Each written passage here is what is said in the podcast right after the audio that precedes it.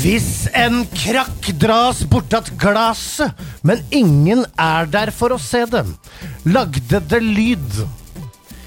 Denne hesten, dette, denne hesten er død, og den piskes fortsatt. Litt sånn morsomhet her, da. Du hører selvfølgelig på Nerdelandslaget, din yndlingspodkast. Regner jeg med som vanlig. Mitt navn er Sebastian Brynestad, og vi skal selvfølgelig prate nerdestoff, gledestoff, vanlig stoff og stoff generelt. Nå som bunadsdebatten har herjet, så er det skakksnappene. Men rett foran deg så sitter han mannen som i dag har på seg noe så nøkternt som en helt vanlig blå T-skjorte. Men han er fortsatt rød og blid. Andreas Hedemann. Bare ett shrine til! Bare ett shrine til! Shrine til, ja. Bare ett shrine til. Det er et slagord vi kjenner igjen i dag. Ja, det er det. For dere nye lyttere som har skrudd på denne episoden av Nederlandslaget etter 200 episoder ca., eh, fordi dere har sett navnet på ukas gjest. Dette er noe vi pleier å gjøre hver uke. Jeg har gjort det nå 200 ganger. Ukas catchphrase. Og det er eh, Chanticleer som har sendt inn catchphrase til meg. Bare ett shrine til! Ja. hun skrevet. Um, og hun skriver, bare sånn for utfyllende i beskrivelsen her Jeg klarer ikke å legge fra meg Tears of the Kingdom, skriver hun. Hver gang jeg ser et shrine, så hører jeg din stemme, Andreas, fra en tidligere catchphrase. Bare én time til! Bare en time til. Bare én time til. Nei, Selda spiser uh, livene til folk om dagen. Ja, jeg tror folk uh, bor mer i Hyrule enn de bor i f.eks. Kaptein Oppegårdsvei. Eller- For eksempel Kaptein Oppåkersvei. Veldig spesifikk vær. Like. Jeg vet hvor den er, og det er fordi du vet hvor er fra. Og Det trakk jo liksom veldig sånn Ja, Sømløst opp av hatten. Hvis man trekker noe sømløst opp av hatten, eh, gjør man det? Er det søm på hatt? Nei, men det du trekker ut, kan jo være sømløst, selvfølgelig. Selvfølgelig kan det være sømløst. Hei til deg, Sebastian Ah, Hei til deg, Andreas Hedman. Uh, og for dere nylig som kommer etter 200 så er det en greie som heter så dra krakken bort av glasset. Ta Send meg noe nytt. Fordi det var morsomt med dra krakken bort av glasset, men nå er det 300 episoder med det. Ja, jeg syns det funker fortsatt. Jeg, jeg synes det er gøy Og du hadde en sånn deilig sånn eh, filosofisk, sånn eh, X-Fill-aktig introduksjon i dag. eh, for alle dere studenter som nå hører på podkasten og later som dere studerer. Ja. Ja. Å ja, Hei til dere, sant, det er hei til som dere. kjører. Ja, Lange store kort. Men vi, altså, i dag er det, det er en stor dag i dag for oss. Vi får storfint besøk. Vi får storfint besøk. Det har blitt noen eh, storfine besøk opp gjennom disse åra. Det har- Tenk at vi snart har holdt på i fire over fire år. Ja. Snart oppe i fem år. Ja, det er helt utrolig. Ja. Um, men i dag er et av de fineste. Uh, så før vi tar inn ukas gjest, så må vi bare snakke om litt sånn aktualiteter som skjer denne uka her. På torsdag så er det jo selvfølgelig nok en spill- og nerdequiz her vi sitter på House of Nerds. Det alternerer jo mellom vår egen Hasse Hope og Steffen Lund. Høy kvalitet på begge deler. Høy kvalitet. Litt, litt to forskjellige shows, på en måte. Hasse, Hasse er tettere på, på en måte Her skal det quizzes. Det skal være veldig bra quiz. Steffen er med. Det er nesten en performance. Ja. Det, synges, det er barn som har tegnet oppgavene. Det er men, altså, men Hasse har også en anekdotisk schwung. Ja da, men han er, mer, han er på en måte Altså, Steffen er fortsatt sånn Han har nettopp begynt med quiz, føles det som. Så han har masse Føles det som, må ikke si. Jo, jo, jo, for han har masse pågangsmot og energi. Og masse kreativitet og Han- nye ideer. Det er sant, han har ikke mistet livsgnisten i sitt embete ennå, nei. Livsquizen. Ok. Kvaliteten er skyhøy. Du hører på Nederlandslaget. Fem år inn.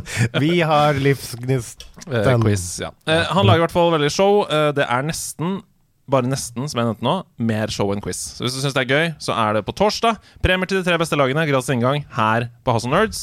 Og hvis du ikke blir lei av Steffen Lund etter du har sittet her i to-tre timer og vært på show med han, så kan du komme da, da kan du komme på Norges faktisk største spillpodkastfestival på lørdag! Hæ? På lørdag så er det Tiltcast på Ja, Tilt igjen. Første post covid. Skal vi dit? Eh, vi skal dit! Ah, Helt fra okay. dørene åpner klokka ett og fram til natta, så kan du få med deg CD-spill, Muskelnerdene, Spell, Level Up, Radcrew, Spillmatic, Lolbua, Rage-dåsene, som jeg syns er et veldig fint nytt prosjekt. Det er en blanding av Jeg mistenker at spilledåsene er involvert. Helt riktig. Ja, det er det. En blanding av Ragequit og spilledåsene, som har lagd sin egen Dåsequitt. dåsequit. Eh, og ikke minst Hasse, Steffen, Fark og jeg fra nederlandslaget. Fark spiller live. Han skal spille jinglesene live på Tiltkast. Altså, jeg kommer til å stå foran og hyle med skumfinger. Fark nummer én står det på den. Ja, det blir veldig gøy. Vi er på scenen fra tre til fire, da. Og det er selvfølgelig helt uh, gratis å komme inn, sånn som det alltid er på Tiltkast. Ja, jeg kommer til å ha en sånn autografbod utenfor. De som, nei, jeg kommer ikke. Det syns jeg du skal. Vi kommer til å ta med oss noe merch og sånn også. Så hvis Merch? De, merch? Da kommer jeg, det veit du. De som ikke har vært inne på nederlandslaget.no og skaffa seg det, de kan komme uh, dukke opp fysisk uh, på Tilt på lørdag. Vi, fra ett, nei, hva var det? Tre til fire. Ja, tre til fire. Ikke ett til to. Tre til fire. Ja, 34. Men vi har en fyr som sitter her i studio, eh, og vi, vi higer etter å begynne å snakke med han. Nå så det er på tide å ta han inn. Ukas gjest er en tidligere eliteseriespiller i fotball som med ca. 200 ulike jobber elsker ordspill, meningsløse veddemål og influensekriger. Ikke bare er han forfatter, produsent, idéutvikler, programleder, artist, filantrop og influenser. Han vokste opp med en hel haug med ganske vågale figurer og pyntegjenstander på hjemmebane. Og det har vært med å gi han en hel haug med gode egenskaper, som bl.a. humor. Kanskje er det derfor han aldri har rørt en dråpe alkohol hjemme i sitt eget hus. Det stemmer, han er en familiemann, men karrieren gir han sjelden fordeler inn i familielivet. Ukas gjest er nemlig prinsipiell imot bonuspoengordninger. Med andre ord så er de 200 flyvningene han hadde det året sommerkroppen ble Norges største hit, ikke registrert i noe som helst system. Er det prisverdig, eller er det over fatteevne? Det får være opp til andre å avgjøre. Ta vel imot ukas gjest, mannen som ikke har brukt smilefjes siden 2013, multitalentet og den livsglade gjøgleren, Mads Hansen!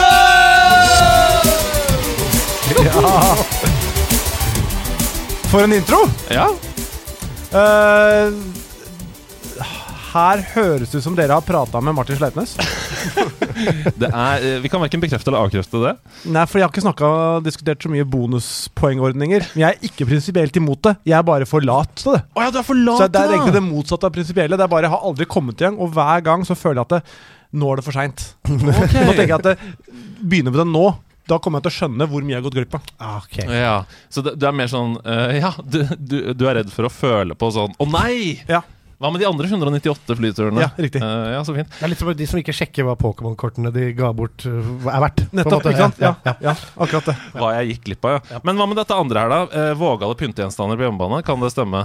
Eh, Ja, jeg hadde jo eh, barndomshjemmet mitt Jeg tipper det må ha hatt verdensrekord i nips per kvadrat. Oi! Eh, NPK? ja, faktisk. Ja. Det er eh, Solkongen, Du slår Solkongen ned i støvlene? Altså, glem, all, glem Solkongen. Det er altså i alle Det fins ikke en led... Altså hvis det er hvis det er f.eks. foran TV-en, da, ikke sant? Så der er det, setter TV-en på en eh, benk, Ja. så har du da? Da har du noen ledige kvadratcentimeter foran TV-en. Ja. Der skal det pyntes opp. Ja. Det er griser, det er troll med ståpikk, det er eh, Det er ikke måte på Og det, det er ikke mulig å finne en uh, bokseåpner som ikke har noe vulgært på seg, f.eks. Men Det er, det er mulig. Ikke bokseåpner, forresten. Bokseåpner er sånn Flaske- her, flasker Flaskejekk. jeg flaskejekk er for bokseåpner er sånn hermetikk. Akkurat de er normale. Ja, de, de er, du, har ikke, du har ikke kukk på de? Nei, akkurat de, de er kukkfri. Men Ja, men jeg, jeg skjønner ikke Er det foreldre som hadde behov for å finne disse vågale? Var det en slags humorting? Var det for å si sånn Se, vi, vi har ingen grenser. Hva, hva tror du var tanken bak? Fikk du av foreldrene dine? Det har gått meg hus forbi. Ja, det, det, For han vokste jo opp i et hjem. Du vokste opp i et hjem, ja! jeg vokste opp i et hjem. Det glemte det glemte du å sånn- si. Jeg vokste opp i et hjem. Ja, Det er også innenfor meg. Over, Ja. Overmøblert? Ja. ja fordi det, var, det er ikke hjemme hos deg nå. Nei. Det var da du vokste opp. Det er det som er viktig. Ja, det, for det, det blingsa jeg litt på. Oh, ja, ja, nei da. Uh, nei, altså, tror, eller, det verste er at det er så mye pyntet at jeg tror relativt sett så er det ikke så mye mer enn vanlig. Nei. For si at det, si at det er eh, Si at det er ti gjenstander med pikk, da. Ja, Ikke sant? Men hvis du da har 15 000 gjenstander, så er det ikke Ja. så mye. Å nei! På en måte, ikke sant? Men det er jo da Men- uh, Ja. Nei, nei, jeg bare lurer på så Dette må jeg bare få til denne. Kan, du, du sier sånn helt, bare, helt som det mest normale verden. Hvis du sier det er sånn ti gjenstander med pikk, da. Men ti gjenstander med pikk.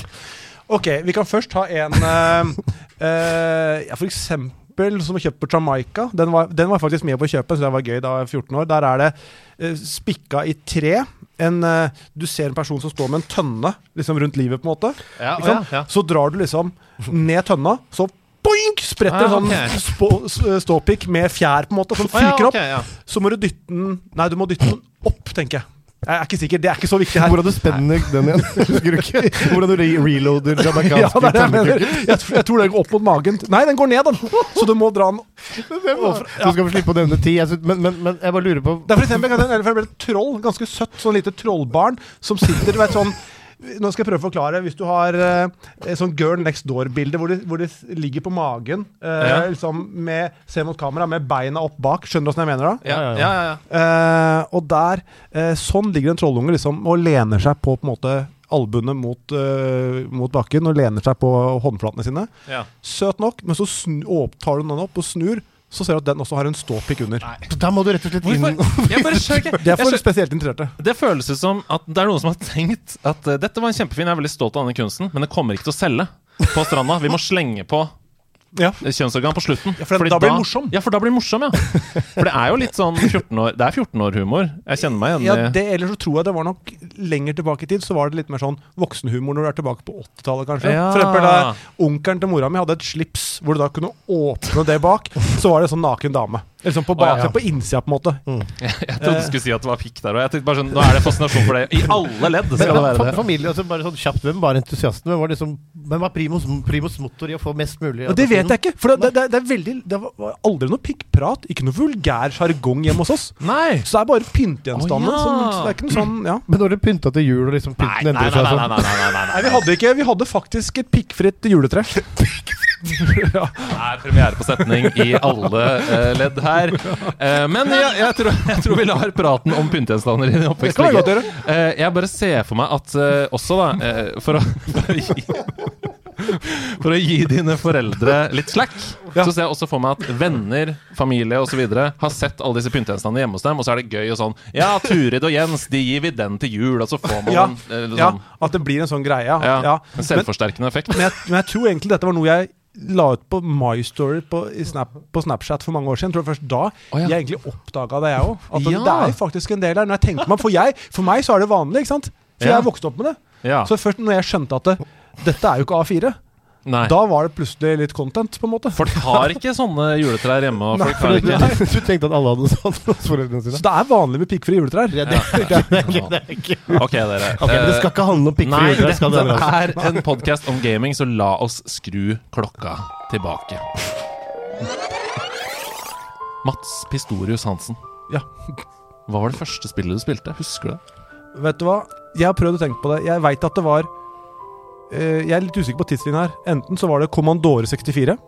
Det er sterkt. Mm, jeg husker ikke hvilket spill det var. Nei. Eh, det var konsollen, eller så var det Gameboy. Jeg husker ikke hva som kom først. Jeg husker jo Gameboy var det Tetris, og så var det, var det Mario, Mm. og så var det tennisspillet på okay. Gameboy. Allerede så er vi mind blown her. Du har nevnt Tetris-spillet, Mario og, og hva så var det siste? sa? Tetris. og... Har du sett filmen, forresten? Nei, Tetris-filmen? jeg har ikke sett filmen. Jeg har hørt at den er kjempebra.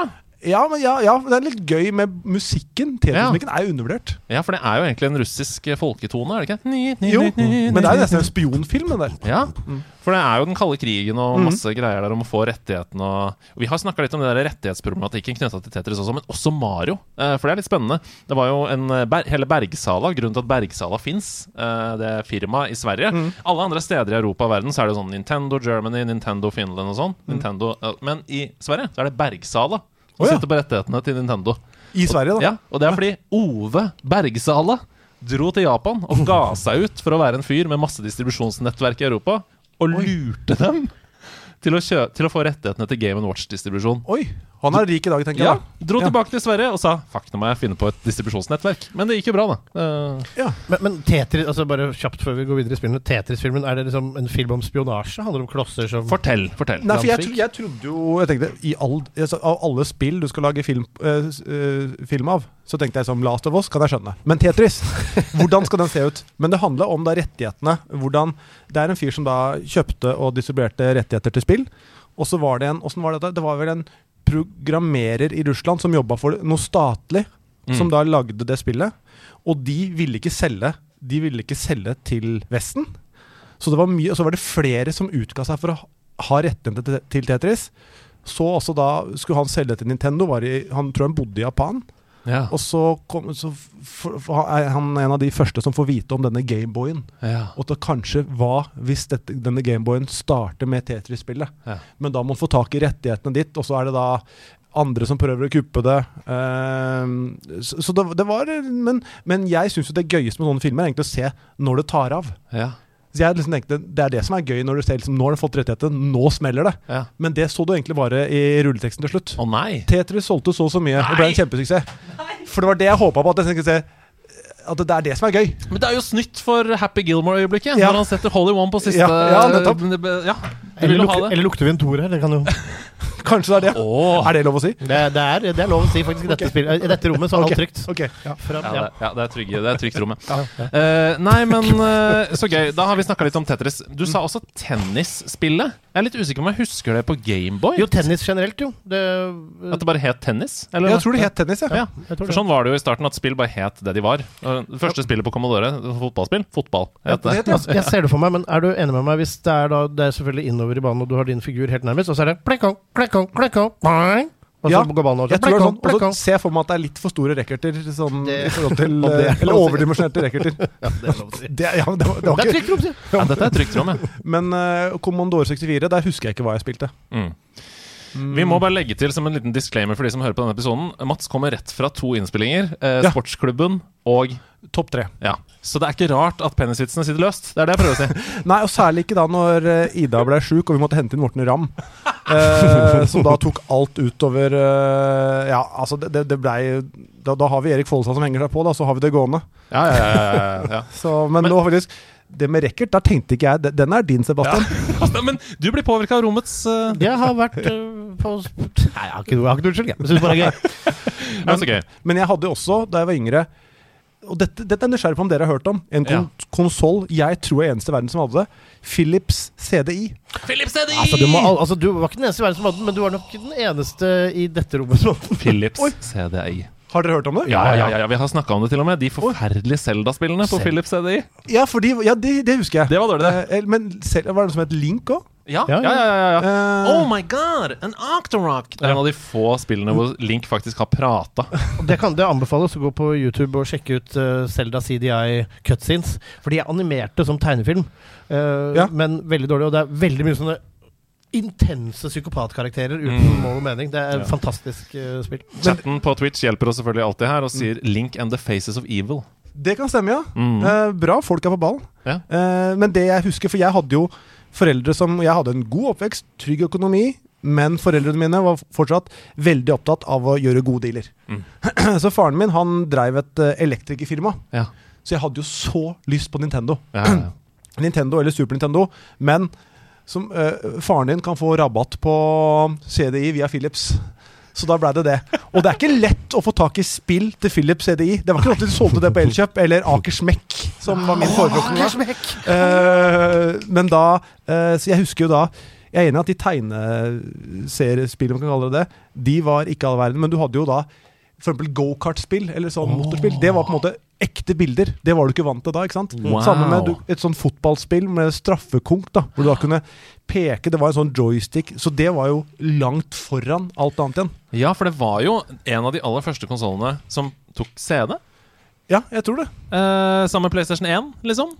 Men jeg tror det- dette var ganske lenge før PlayStation 1 igjen. Ja, det var det. Det var det absolutt. Ja. absolutt, absolutt. Så eh, det var synd at det ikke Det var jo et prosjekt der på, en, på et tidspunkt som var Sony og Nintendo holdt på å slå seg sammen.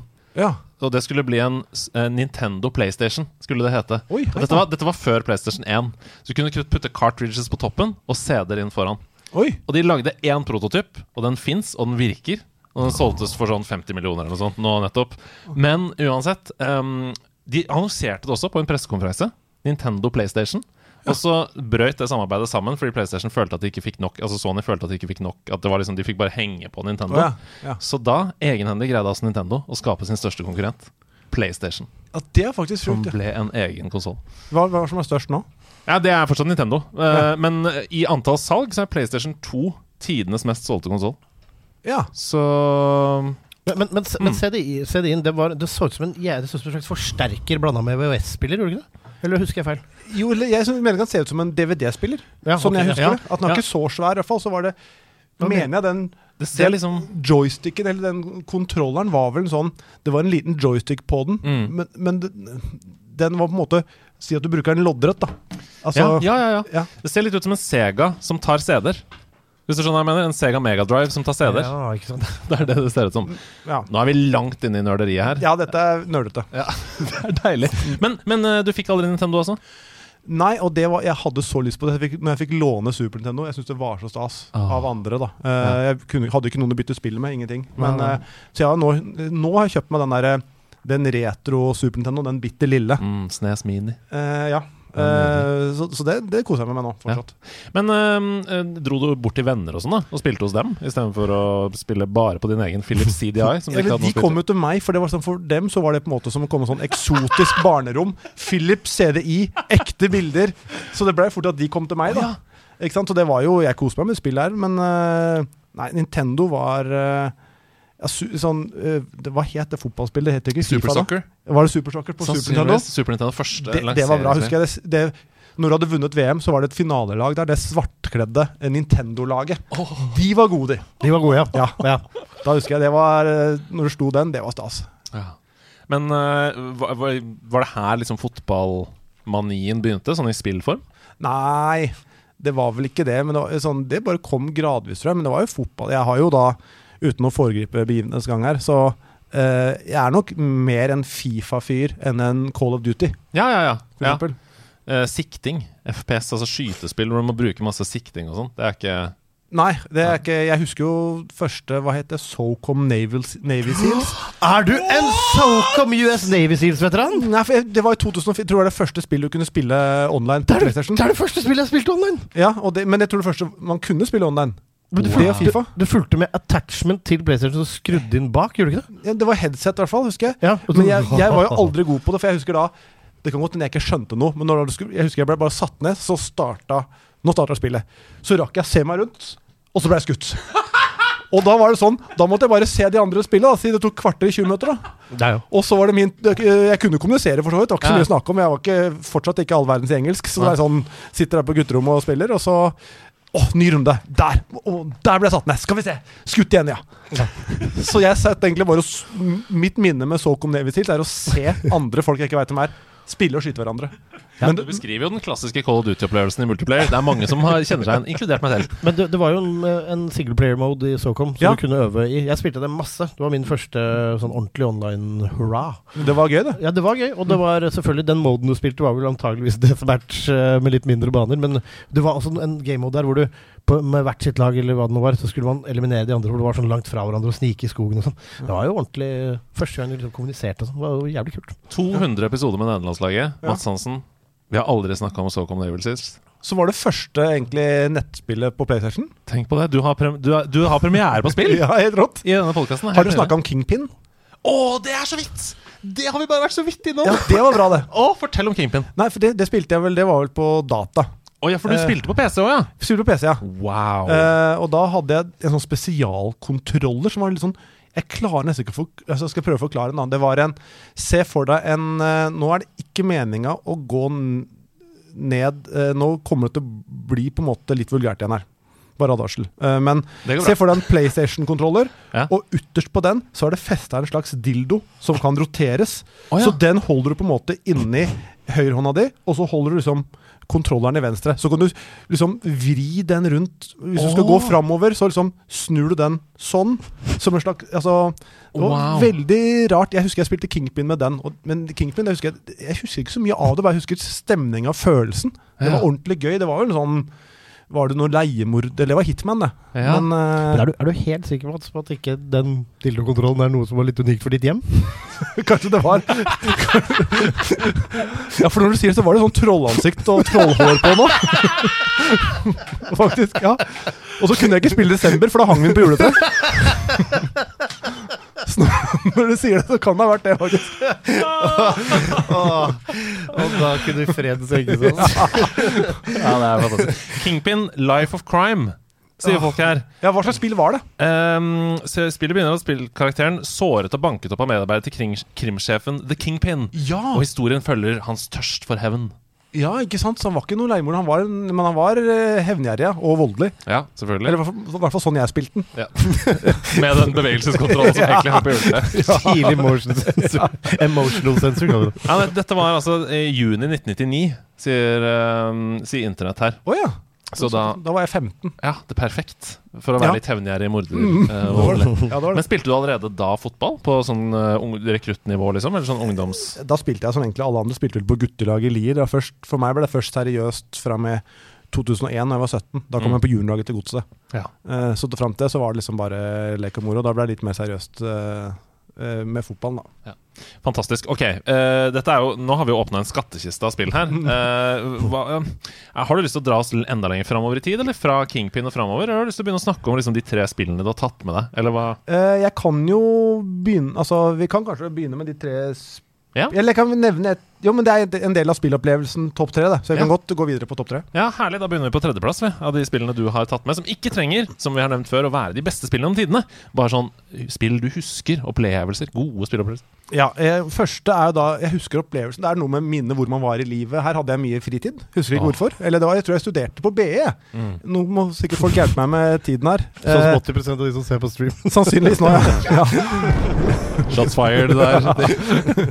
Eh, Ratchet and Clank. Ja! Det Første. første første Wow. ordentlig gøy. Altså, jeg husker stemninga. Liksom, ny verden. Det, det var liksom For meg så var det Jeg er egentlig veldig sånn realist, både hva jeg liker i filmer og spill og sånn. Ikke nødvendigvis sånn eventyrer, men akkurat der husker jeg liksom de verdenene det, det vekker noe i meg når jeg tenker på det. Og Ja, ja. med alle de derre Det var så kule våpen og Ja, verktøy, eller hva man skal si. Mm. Altså, jeg syns det var ordentlig gøy, altså. Mm. Det var eh, første gang noen turte å gjøre Altså eh, ta tegneserie og, og blande 100% med skytespill.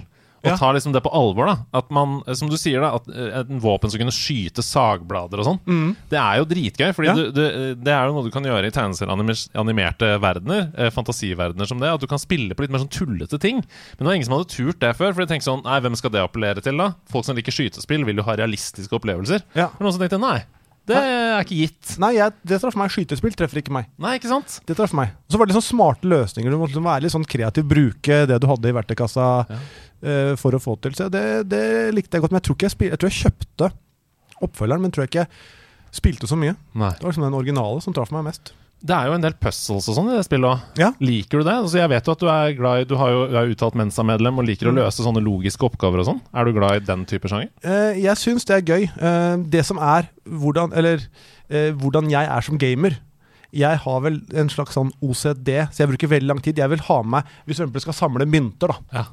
så skal jeg ha med meg alt. Jeg suser ikke gjennom et brett. Jeg skal ha med alt av Der var det vel Var det skruer man skulle samle? Der, Ja, Gullskruer. ja, ja. Altså, alt. Jeg går ikke videre før jeg har fått samla alt. Så jeg fikk nesten sånn derre Sånn OCD og, og Vent litt, der er det noe igjen. Det er den mynten der. Jeg må hoppe tilbake. Fikk ikke med meg den. Enten det er Mario eller hva det er. Mm. Så jeg liksom skal på en måte rydde brettet. Jeg føler hvem jeg er som gamer. Jeg er en slags uh, vaskehjelp. Som skal ha med alt av mynter, skruer, alt. Det skal, det skal være et helt rent, sterilt brett igjen når jeg går i mål. Ja, den, den, den brente jords taktikk. Ja, rett og slett.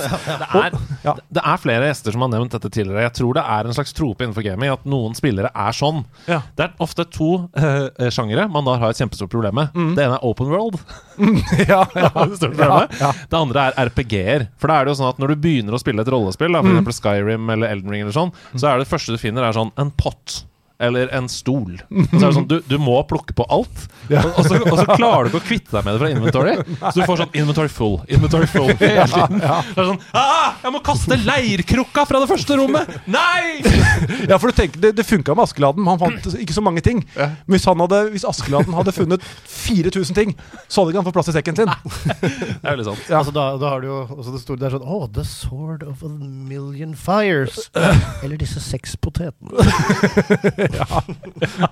Nei, men Har du problemer med den type spill? Altså Åpen, åpen verdensspill hvor Ja. du skal samle masse og Jeg har Og- ikke spilt det mye, men uh, uh, Hva er det som Skal vi se Gi noen eksempler da på Altså Du har eksempel Altså Zelda-spill er jo gjerne på den måten. Du har eksempel Skyrim, uh, Fallout det, Hva heter? Assassin's Creed er vel Ja. ikke helt det? Der Nei. er det mest oppdrag du gjør. Der, kan, der tror jeg jeg klarte å suse gjennom uten å Eller Ja. fokusere på oppdraget. de første spillene var sånn fokuserte liksom action-eventyrspill. Ja. Men etter hvert så ble det store sånne open world GTA, Ja. der sleit jeg. Der sliter du. Ikke sant? Der er det mye sideoppdrag, og, og Red Dead uh, Redemption, Redemption.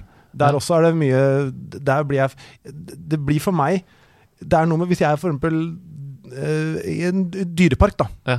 Eller fornøyelsespark, så føler jeg skal inn Eller dyrepark, da. Da skal jeg føle jeg må ha sett alle dyra. Så jeg, jeg går rundt og er stressa og tenker Vent litt, jeg, hvis jeg går Her kan jeg gå til høyre til lamaene, eller til venstre til løvene. Men hvis jeg går til venstre til løvene, så fortsetter jeg der. Da vil jeg ikke få sett lamaene, men går jeg dit, så blir jeg tenke Hvordan skal jeg legge opp løpet mitt nå for å rekke innom, så jeg får sett alt som perfekt? Uh, så jeg blir litt sånn st stressa av det. Jeg tror jeg er veldig Jeg tror jeg er avhengig av å ha kontroll i hodet. Ja. Liksom å få landa ting. Og har liksom Ja, jeg har jo hørt en sånn eh, Visstnok eh, Apropos BI, studerte der. Da var det jo en sånn McKinsey-test. Der tror jeg Når de fikk folk inn til jobbintervju, så tror jeg de filma. For da hadde de satt bevisst Det var jo to bord de hadde satt litt fra hverandre. Ja. Sånn at da du så, Hvis da noen følte behov for å sette de inntil hverandre igjen, så var det et tegn på at de, de, de, klarte, ikke å, de, de klarte ikke å ha liksom mentalt eh, rot. da Og det var en dårlig egenskap. Å, ja. der, var det, der var det mye kaos. Ikke sant? Du måtte ha mange baller i lufta. Så det var et sånt tegn det, Måten de sjekka folk på, klarer du å ha det rotete rundt deg? Wow.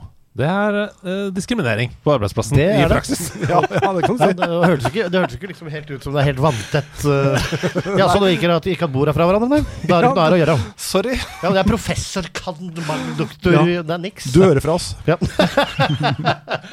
Nei, men så gøy. Oi, nå, men, dette er et litt interessant spor, for det er noe gaming i dette her også. Jeg bare ser for meg sånn deg som fotballspiller, eksempel, da, i prime, altså i den beste karrieren, var det sånn at du følte at du hadde full kontroll, og det fløyt overalt, og du visste hvor folk kom til å bevege seg, og sånn.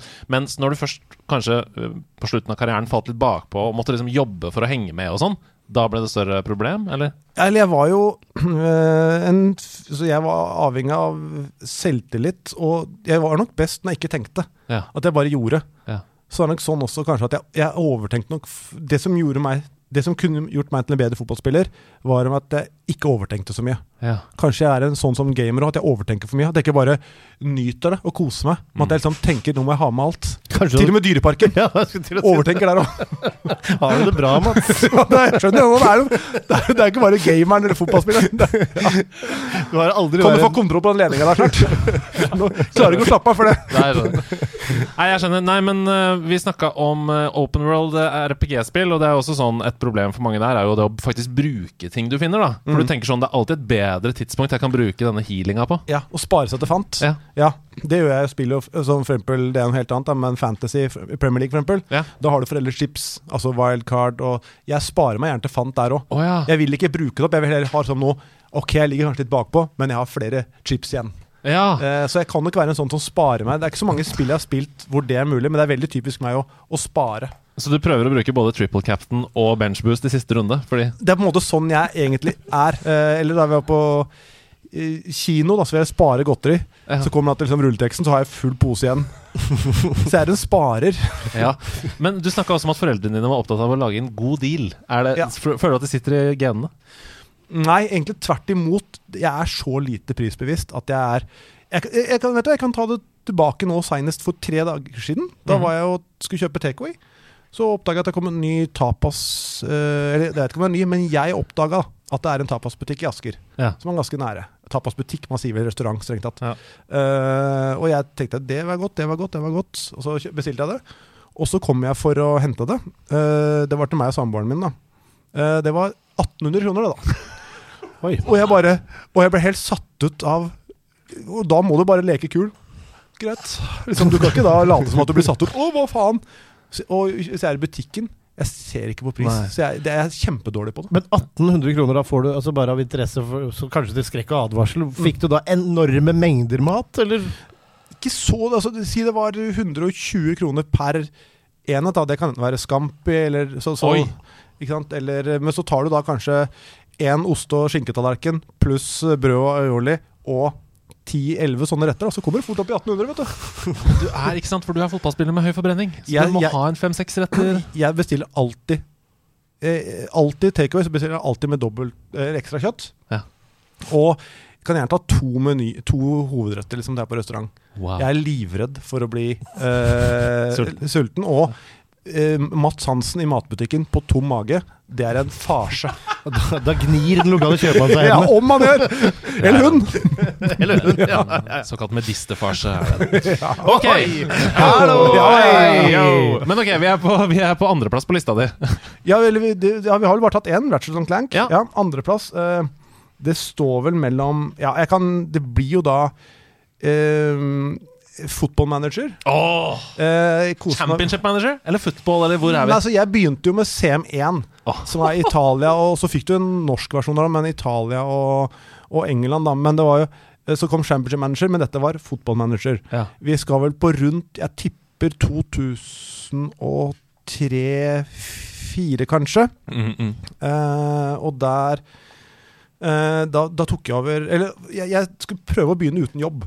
Nei, det var litt seinere, for jeg var på spillet, Mads Hansen. Mm. Mm. Oi, oi, oi. og det var Wow, stas. det må jo være helt sjukt! Det var kjempestas. Så Jeg jeg har noen spørsmål til det senere. Sett Ja. en liten, sett en liten Ja. i den. eh, Og da jeg jeg skulle prøve uten jobb, og starte uten jobb, for da må du bare ta en ledig trenerjobb. Ja. Og så tok jeg over Strindheim i andredivisjon. Eh, og det, det til dags dato første og siste gangen jeg har sett dette skje i et spill, for jeg da vet du, hva, jeg henter Mads Hansen. Jeg, jeg henter spilleren Mads Hansen. Ja. Og da fikk jeg på sånn nyhetsvarsel om at det var protesttog fra supporterne, for det viser vitner om manglende ambisjoner til den nye manageren Mads Hansen. Å hente Mads Hansen fra Mjøndalen. Det har jeg aldri fått før eller siden. Uh, så en liten selvtillitsknekk der, selvfølgelig. Uh, For altså, det er stri lokale strindheimere. rett og slett Strindheim. Jeg vet ikke hva supporteren heter. Tog! Tog i Strindheim. Ja, jeg vet ikke om det var fakkel eller rose eller uh, paroler, men i hvert fall noe var det. Men Nå begraver vi klubben. ja, Kondolerer Strindheim. ja. Men videre tok over Ness Sotra, og det var da det smalt. Ja. Da spilte Også premiere på setning. Uh, Ja, faktisk. Det er jeg enig i. Eh, og det, det blei jo et eventyr. Kom jo til Champions League. Det som var gøy med Nestotra, var at de hadde en styreleder der som het Mohammed Mo. Sikkert, oh, ja. Garantert fiktiv, da. ja. Uh, og han Det var jo litt en, tydeligvis en bug, for han var veldig glad På, på eh, FM da Mm. så bygde du ikke stadion selv. Du fikk beskjed etter sesongen om at nå har styret bestemt seg for å bygge stadion med 5000 nye plasser. Hvis det var behov for det. Ja. Uh, Denne Mohammed Mo han tror jeg likte veldig godt Han var nok en entreprenør. Han likte å bygge ut stadion. Så det slutta ikke å bygge ut Ågotnes idrettspark. Så da når vi var i år si 2030, da Da hadde vel jeg 160 000 tilskuere på Champions League-kamp. På Ågotnes Nessotra. Og han fortsatte å bygge ut! Så det, var, så det jeg husker var det eventyret. Det var veldig det var gøy i seg selv, men da det derre virkelig å se hvordan anlegget utvikla seg. 1,6 Kamp Nord på, på. Altså, da, vet du hva, da kan, da kan faen meg de der rasshøla i Stridheim vet ta, ta seg bolla. Mads. Hansen trekkplasteret. Ja. 126 000 på Sotra! Mohammed Mo ga seg ikke. Nei, det er fantastisk. Men du sa uh, sette en pinne i det med at Mats Hansen var spiller sjøl i spillet. Ja. Hva tenkte du på, Seb? Eh, Hva er det beste du har, kortet du har hatt i FUT? Eh, Jeg hadde vel 60 eh, Det var da jeg var i Fredriks Jeg tror jeg hadde 65, jeg. Eh, og da var jeg Eller var det å være i Mjøndalen. Eh, da, da var det nesten ingen som hadde vært der. Men jeg hadde vært i Fredrikstad før, så jeg var en av få i Mjøndalen som hadde eh, hadde kort fra før av. Ja. Så da var jeg på en måte en av de beste i Mjøndalen. da Så da fikk jeg egentlig ufortjent Jeg tror de fleste lå på 61-62. Ja. Jeg hadde 65. Og så var jeg veldig eh, rask. Ja, for det, Var dette før eller etter soloraidet mot Hønefoss? Det. Dette var lenge etter, for øvrig. Men kanskje det, det ga meg litt ekstra Ja, jeg lurer på det. Men eh, eh, Så jeg, hadde, jeg var ganske bra å spille med. Ja. Fordi jeg var rask. Så var det en del som faktisk brukte meg der. Ja. Eh, Det må jo være en drøm, liksom. Altså, vi har jo snakket om det, Vi får ofte spørsmål her, ikke ofte, men opp gjennom nederlandslagets historie sånn Hvem ville dere vært hvis dere var en spillkarakter? Hva Mm. hadde dere ønska sånn? Du har jo vært en spillkarakter. Du er en spillkarakter. ja, en, en slags, faktisk. Eh, jeg hadde jo Det var såpass stas med det at jeg husker før Pro Evolution Soccer. Kunne du la, Det var jo det beste fotballspillet lenge. Eh, der kunne du lage Nå ristes det på hodet til høyre her. Det hadde vært det beste fotballspillet. Men det, det, den, den diskusjonen, det vet du det Vi kan ikke sitte her og mene at, uh, at eh, Fifa er bedre enn Pro Du kan Tidlig ikke sitte her 2000-tall. og mene at det floaty bakverket der eh, var noe spesielt bedre. Rundt, to, rundt 2000. Men det, det er en gang du skal få det. Det er en gang du bryter den der veldig lineære løpsbanegreia som det var litt bedre, men det var så floaty at det hjelper. Men greit. Ja, ja, men uansett, det som jeg likte med det, var at du kunne lage lag og spillere. Eh, konstruere de. Så jeg lagde jo bl.a. juniorlaget i Strømsgodset. Lagde jeg da alle med tilsvarende ferdigheter. Jeg lagde uh, guttelaget i Lier, fra tolvårslaget, liksom. Alle der. Wow. Uh, og det husker jeg var veldig Da satt jeg liksom, da lagde jeg samtlige spillere Lagde helt like utseendemessig, helt like attributter. Og det likte jeg også med PES, at det var mange flere attributter, så du kunne få mye mer særpreg på spillerne Ja. enn på Fifa. Hvorfor, hvorfor finnes ikke dette i moderne fotballspill som Fifa, f.eks.? Det er jo helt sjukt. Det er alle spill som eh, tillater spillerne sine å modde ting. Ja. Altså Enten ha mods i open world-spill, eller Minecraft, f.eks. eksempel, Se på suksessen, liksom. Mm. Det er jo fordi folk får bruke kreativiteten sin sjøl og lage sine egne ting og sånn. Det var jo kjempegøy, for det, det, det øker jo levetiden på spillet. Ja. Eh, for der, der kunne du lagre de laga, så kunne liksom vi spille. Ikke sant? Kunne, ja, han kunne være Arsenal, så kunne jeg være Lier gutter 12. Eller uh, og junior elite. Ja, Det er litt urettferdig, da. Lige gutter 12 mot Arsenal. Ja, vi vant, vi, da. Men jeg, jeg lagde de nok relativt tett. Arsenal rakner alltid på slutten, vet du. Så det er eh, Ja, det er sant, det. Samme, samme hva. Nei, så gøy. Uh, fantastisk. Det var nummer to. Uh, Championship Football Manager. Ish. Hva er førsteplassen? Førsteplassen er nok eh, Og nå skal vi det, Dette ender med snikskryt. Ja. Uh, jeg sendte for øvrig et spørsmål selv og litt på tull. Jeg vet ikke om du fikk det? Dette, dette, er første, dette er også første gang at vi har hatt en sånn spørsmålsrunde på Instagram. Og så har gjesten selv sendt inn spørsmål hvor det står Visste dere at han var kolon? Det stemmer, stemmer det. stemmer det at han var selv. hva, er, hva, er, altså, hva er det Ja, hemmelige med inkognito-navnet ditt når du stiller spørsmål om det selv? Nei, nei, det var fra Instagrammen, så jeg tror ikke det var noe det var ikke, Jeg skjulte ikke det. det var Hansen 11. Det, Eh, nei, det er, altså, dette er jeg på en måte stolt av nå, nå ettertid, for jeg har skjønt hvor stort det var. Jeg var jo i Fifa 2004. Så var jeg nummer to i verden. er ikke det helt sjukt? Eh, Jeg, jeg kan ikke fatte hvordan Altså, dette må vi snakke om. Hva, hvordan, for det første, hvordan ranker man? Hvordan får man vite Hvordan vet du det, at du var nummer to? Fordi da var det en slags eh, ranking. Hvis du, du hadde så og så mange poeng. Ja. Hvis du vant en kamp, så gikk du Liksom sjakk, da. Så hvis Mm. du spør, møter en bedre motstander, så får du flere poeng. Ja. Men når du er høyt oppe og taper mot en dårlig rangert, så mister du mange flere poeng Ja. enn han taper hvis han taper mot meg som er bedre. Nettopp, ja. Så da var det en verdensranking som du hele tida hadde plasseringa der. Og da husker jeg, det var sånn at det var jo flere millioner med. Og jeg, det var såpass da at jeg tenkte nå spiller jeg mot en rundt 100-plass, for da vinner jeg greit. Og så får jeg mye poeng. Så det var liksom, sånn, det var liksom null stress. Wow. Og da kunne jeg gå inn på EA Sports, eller EA.com var det vel. Og da sto liksom topp tre-lista der eh, fast. Og da sto det liksom gamernavnet. Og Mitt gamernavn, det var Mats. Fett. ja, ja. Eh, men problemet er at jeg, ikke sant? jeg har ikke noe bevis for det. Så vet liksom, er det noen som vet Er det noen fra EA Sports som hører på? Jeg skulle gladelig, hvis noen kunne hjelpe meg med å det, det var da Fifa 2004, ja. eh, rundt juletider Ja. lå jeg på andreplass på verdensrankinga. Om det er på noe som helst måte Det kan hende jeg er et Matsmann nå. Jeg tror det var Mats. ja. Eh, om det er noe som helst måte hadde vært veldig gøy å hatt det beviset i dag. Jeg aner ikke hvordan. Vi pleier jo å gi disse challengene ut til spillerne på laget, selvfølgelig, som hører på, som Ja. sitter på Discord. De løser det alltid, fordi de er jo nerdelandslaget. Ja. Altså, dette er jo de eh, mest eh, internettbevisste menneskene i Ja. Norge. Um, Jeg blir så hvis man kan, evig takknemlig. kan man bruke noe wayback-maskin, kan man bruke en eller annen måte å finne den nettsiden fra 2004, så kommer Mats til å ramme den på veggen ved siden Absolutt. av uh, masse eh, nips med dildo på. Ja, Og, ja. Altså, ja, for du var nummer to, ja. Jeg var nummer én. du var Kingslayer XX69XX, var det ikke det? Som var? Ba Bassegutt Koslol 66 var det. Ja. Men det som var med den, da var at hvis du først tapte, da Når du kom til høyt oppe, Ja. så tapte man så mye rankingpoeng. Ja. Så det er også et av mine punkter som jeg har med eh, videre her. Jeg vet ikke om jeg skal ta det nå eller spare det. Ja, hva, hva, hva er det du Er det en egen spalte, eller er det i denne fasen? Nei, for det var, da, i, hva dere kalte den altså, Det er jo egentlig bare et, et minne da som ikke nødvendigvis er noe jeg er stolt av. Men jeg, jeg skulle kjøre mora og faren min til eh, et julebord. Oi! Ikke sant? Eh, Ja, for du er fra Lier, og du hadde lappen da du var 18. Det Ja, jeg var aldri noe motorinteressert, men jeg hadde nok Ja, var, da var jeg faktisk Her var jeg da 19, Ja. uansett. Poenget står jo like fullt. Ja. Uh, og da Ok, de skal, dra klokka, de skal være der klokka seks, la oss si det. da Så starta jeg en kamp, Mm. og, at, og så sier de 'nå må vi dra, Mats'.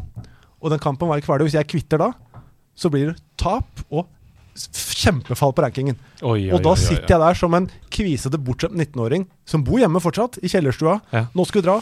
Jeg kan ikke. Eh, jo, men vi må dra nå, vi rekker det ikke. Jeg må spille ferdig kampen. Det kan du ikke! Og jeg skjønner nå, de har ikke veldig forståelse for at det, hvis jeg taper, så mister jeg rankingpoeng. Uh, så det endte jo med at de da måtte ta taxi. Oi! For jeg skulle spille ferdig kampen. Ja. Uh, og så og da ble det ikke gøy lenger, for da visste at jeg måtte spille nok. Jeg Ja. måtte eh, og liksom, ja, så, så, så det er sånn det jeg skammer meg mest over i min gamingkarriere. Hvordan jeg da Skjønner. Så snille de var med meg, kjørte meg til alle mulige steder. Når jeg for en gangs skyld skulle kjøre dit nå, et sted, Så måtte jeg ta tactics. Men dette kan, kunne vært planlagt bedre fra begge kanter. Og jeg mener at foreldres respekt for ranking der ute, det er faen ikke greit. Altså. Nei, nei, Det, men her kommer en kaktus. Det er liksom, jeg skjønner at du skal ha med deg så gøy når vi kommer inn der, og alle mingler og sånn. Nå holder du kjeft. Dette har jeg jobba med i to år.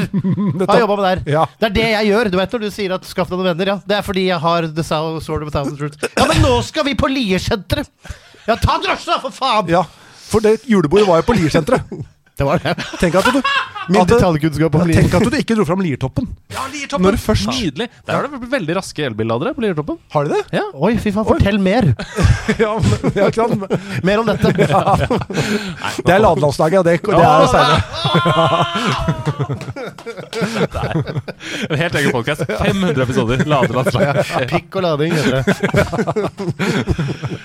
Det er deilig. Nei, men du, eh, jeg føler at du var inne i neste fase her. Jeg har to gode historier knytta Ja. til spill, og dette var en av dem, liksom. Ja, og den andre er også noe jeg skammer meg over. Ja. Eh, dette fremstiller meg fra mine dårligste sider, men det må jeg by på. Ja, jeg må Eh, bare, Før du avslutter den forrige, så jeg kom på en ting nå. Og det er jo at Dette er jo helt vanlig for gamere, det også. At når man innser at nå er det spillet som eier meg, Ja. og ikke jeg som har kontroll over spillet. Fordi hvis jeg ikke gjør sånn og sånn hver eneste dag Jeg syns kanskje det egentlig ikke er noe gøy lenger heller. Ja. Men jeg må gjøre dailies, jeg må gjøre weeklies for å holde meg. Kanskje jeg er guild leader i World of Warcraft. Nå er det en jobb, liksom. Ja. Jeg må jobbe med det. Eh, da er det ofte at interessen forsvinner. Mm. Fordi man det, det som er poenget med å spille spill, er jo å ha det gøy. Ja, og Hvis du ikke har det gøy lenger, så Det ble prikkløp. ja. Ok, historie nummer to som fremstiller deg i dårlig lys. Ja, og jeg vet ikke om dette går under gaming, men kan man si Altså, eh, samlekort Ja, eh, ja, ja, ja, ja, ja, ja. Husker dere gamle POG? Om vi husker gamle Pog! Åh, Slammers! Ja, jeg spilte jo Jeg brukte det bare som en bytte. Ja. Altså, jeg spilte ikke POG. Nei, så du hadde sjeldne pogs? Ja, ikke sant, så ble det bytting da, altså Jeg ble ikke sånn superivrig på det Men nok til at jeg eh, Rett og slett eh, Skamma eh, Fadderbarnet mitt. Oi, Altså, Det er mørkt. nå. dette er mørkt. Er, du, er du sikker på dette, Mats? Jeg gikk i femte klasse Ja. Da hadde man jo da eh, De som begynte i første klasse Fikk jo da faddere fra um, Ja. Ja, ok, bra. Unicef. Nei, det var, det, var, det var ikke fadderbarnet fra Togo Nei, okay. Det var det ikke Nei, fordi, ok, men det, nå ja. Du angrer, og du gikk i femte klasse. Ja. Da er alt greit. Det okay. mener jeg. Ja. Og så var det en litt kreativ variant òg, Ja, okay. Så jeg er litt stolt av det òg. Okay. Langt der bak Du var smart. Ja, det må jeg si. Fordi da var det jo ikke sant, du bytta sånn, Jeg mener husker at den som het Kongo Det var sikkert forskjellig fra skole til skole, men den var lite verdt. Ja. For den var sånn Jeg veit ikke hvorfor, jeg husker ikke hva det var, jeg bare husker Kongo. Ja, og det var nemlig Pog-figuren. Han derre bamse... Eller han derre bamsete figuren med sånn hula-skjørt, og så sto det Kongo eller noe sånt. Kanskje. Rundt. mulig, Jeg, jeg, jeg føler dette! Jeg føler jeg kjenner det. Ok, ja. Eh, og da, i hvert fall, han hadde med Tenk deg det, han er en førsteklassing. Nå har jeg jo har jeg barn selv. Hvis jeg nå, hvis min sønn hadde kommet hjem, tatt med seg liksom, Si han hadde tatt oppvaska, støvsugd for å få ukepenger for å kjøpe POG. Mm. Ta med på skolen. Uh, og så blir du lurt av fadderen. Altså, Jeg hadde blitt så fly forbanna som far. Du hadde jo reist hjem til hans foreldre, eller Om hennes hadde, ja. foreldre, og sa 'Vet dere hva deres barn har gjort mot mitt?' Ja. Kjempeusympatisk. Men i hvert fall det jeg gjorde, da tok vi, tok vi disse dårligste pogsene, som da var Kongo-pogs, da. Mm. Så tok vi og spraya dem med Axe. Og så sa vi at det er den mest, det er den mest verdifulle. Det er smelly pog. Eh, og, og da fikk altså da Tok da tre Kongo-pog med X på, og fikk hele samlinga hans. Han stakkar dro hjem igjen med tre smelly pog. det er kreativt, men jeg får vondt inni meg når jeg forteller om det, for det er så dårlig gjort. Henrik, hvis du hører på jeg, jeg, jeg, Du skal få tilbake de pogsa med renter. Det som er litt trist at, uh, Tenk nå bare, Dette er bare helt realistisk. Tenk om hjemme nå så sitter Hva var det han het? Henrik. Henrik. Og han har rammet inn de tre mest sjeldne smellypogsene i verden. Liksom. Vakuumpakka så lukta ikke skal forsvinne. Ja, ja, ja, som henger der nå. Og så, dette er øyeblikket liksom ryker. Men Mats, jeg har en innrømmelse å komme med. Ja. Da jeg gikk i Nå tror jeg du skulle si det er jeg som er Henrik. Plot twist! Etter årevis med terapi. Du har jobba alt fram til dette øyeblikket! Jeg har bytta navn! 200 episoder for å få meg hit! Ja, ja. Nei, jeg gikk i fjerde, Jeg tror jeg har fortalt i nederlandslaget før. Jeg gikk i fjerde klasse. Mamma var lærer, så hun hadde selvfølgelig sånn gulltusj som hun tusja for å skrive sånn eh, ti av ti stjerner, for eksempel, på prøver. Når hun retta prøver og sånn. Fordi det var stas å få gullstjerne, liksom. Så jeg tok mammas gulltusj. Hadde fotballkortet Roberto Baggio. Ikke, Ja. ikke glins, fra VM 94, Ja. Lagde gullramme oh, ja. på Roberto Baggio-kortet. Um, jeg kanskje det var VM 98, husker ikke. 94. 94. Jeg har komplett samling hjemme, dette vet du. Jeg, Og jeg også. Mint. Hæ? Mint. Uh, du har en mint komplett samling av 94. Ja.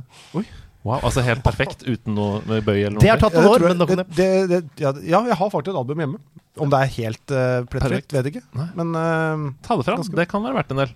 Kan du det? Ja, det kan jeg. Mm. Ja. Absolutt. Men du, du kunne jo kjøpe kort. Mm. Du kunne kjø altså ekstrakort, så det, var, det er ikke like stas som bare Men den tida er forbi. Jeg tok altså fram denne gulltusjen, lagde gullramme på Roberto Baggio, gikk til Thomas i klassen og bytta til meg Charizard. Det første Charizarden oi, du gikk rett til Pokémon. Oh, ja. Med gull Roberto Baggio. Eh, og sa dette er et helt unikt kort. Det finnes ikke, bare prøv Du har ikke hørt om du har ingen andre som har hatt dette ja, for du sa det fins ikke? Nei, jeg sa det, er bare, det finnes bare ett av det, eller noe sånt, så jeg bytta til meg Charizard. Uh, Thomas skjønte kanskje en halvtime etterpå hva som hadde skjedd. Jeg gikk til læreren, gråt og gråt og gråt og gråt. Vi ble satt inn på et eget rom. Jeg måtte bytte tilbake. Ja, for Det det, gikk, ja. det gikk heldigvis bra. ja, men der skal jeg være glad, for da hvor du liksom bøffa et barn for liksom, 79 kroner eller noe sånt. Her snakker vi liksom millionkriminalitet. Ja, ja det her, hvis det, nå husker jeg ikke om det var first edition eller vanlig, og det var jo tross alt spilt med, så var jo ripete og sånn, men det, det hadde vært penger, ja. Ja. Eh, så heldigvis er jeg glad for at det ikke gikk gjennom. At han i dag sitter med Roberto Baccio. Men det var gjenbyrdig. Det Ja. var ikke yngre. Jeg- Nei, det er sant. Det var en klassekamerat, ja. Ja, men, han er jo, det er litt aldersforskjell her, så det er samme fyren begge to snakker om. Ja, for det er Henrik, ja. Ja, Henrik. Ja, for, ja. ja, for du er fire år yngre enn meg. Nei, men fantastisk. Jeg syns vi har et godt bilde av både av deg som menneske og som gamer. Jeg er sikker på, jeg er sikker på at Hvis Henrik kjøper seg en bil, så sykler han hjem fra jobben samme dag. ass. Smelly bike. Skal spraye Axe på hva som helst. Litt bort middagen din. Her er smelly, smelly chicken. Ok, dere. eh, hva spiller du nå om dagen? Vi skal hoppe fram til liksom 2023. Og Tenk deg de siste seks månedene, liksom. Akkurat nå er det et mobilspill, da. Ja! Eh, det er to enkle spiller nå. Det ene er jo, som jeg har hatt gående litt, det er faktisk da eh, Spades. Kortspillet. Deilig. Og så er det et som heter City Takeover. Oi. Ganske gøy. Strategi, eller? Eh, Ja, det er jo Jeg tror jeg kan lettere Du kan sikkert uh, terminologien på det, skal vi Ja. se. Uh, du da skal ha jeg Ja, nå viser Mats meg skjermen her. Eh, Eh, du skal da sant, starte sant, her, den blå skal, Du skal ta over alle andre. Ikke sant? Ja. Sender og angriper jeg den. Ikke sant? Og så oh, ja, ok, så Mats viser meg et slags kart hvor han drar streker mellom noen forskjellige Nå- Sånn kan jeg angripe den, og så ja, så det, ja, det er strategi. Du, du Ja, legger opp en ja. strategi for å vinne over brettet, liksom. Ja, eh, eller mot andre Ja. Eh, vinne brettet mot andre farger. Ja. Eh, og det, så det er vel det jeg spiller akkurat nå. Og så spiller jeg jo ikke så mye Fifa. Jeg har Fifa hjemme. Um, nei, det er stort sett det, tror jeg. Så har jo sønnen min har jo Fifa eh, mobile, altså på iPaden. Mm. Det er sånn du snakker om at spillet eier deg. Ja, ja, ja. Da må jeg da Han har spilldag annenhver dag. ja, så du må ha sånne restriksjoner på det? Ja, og det er helt fint, men Mm. da, de dagene han ikke har spilldag, så har jeg liksom Det er daglige oppgaver, ikke sant. Så for at de skal bli gjort, så går jeg inn og gjør de oppgavene for han, sånn at han skal få da Um, Hva er det heter for noe? Stjernepasspoeng. Ja, ja, ja. uh, og da merka jeg en periode at da eide spillet meg. At jeg da etter kommer ny oppgave etter klokka åtte, så måtte jeg da sitte der. Jeg hadde glemt det før jeg la meg. Jeg var drittrøtt. Vent, jeg må gjøre oppgavene.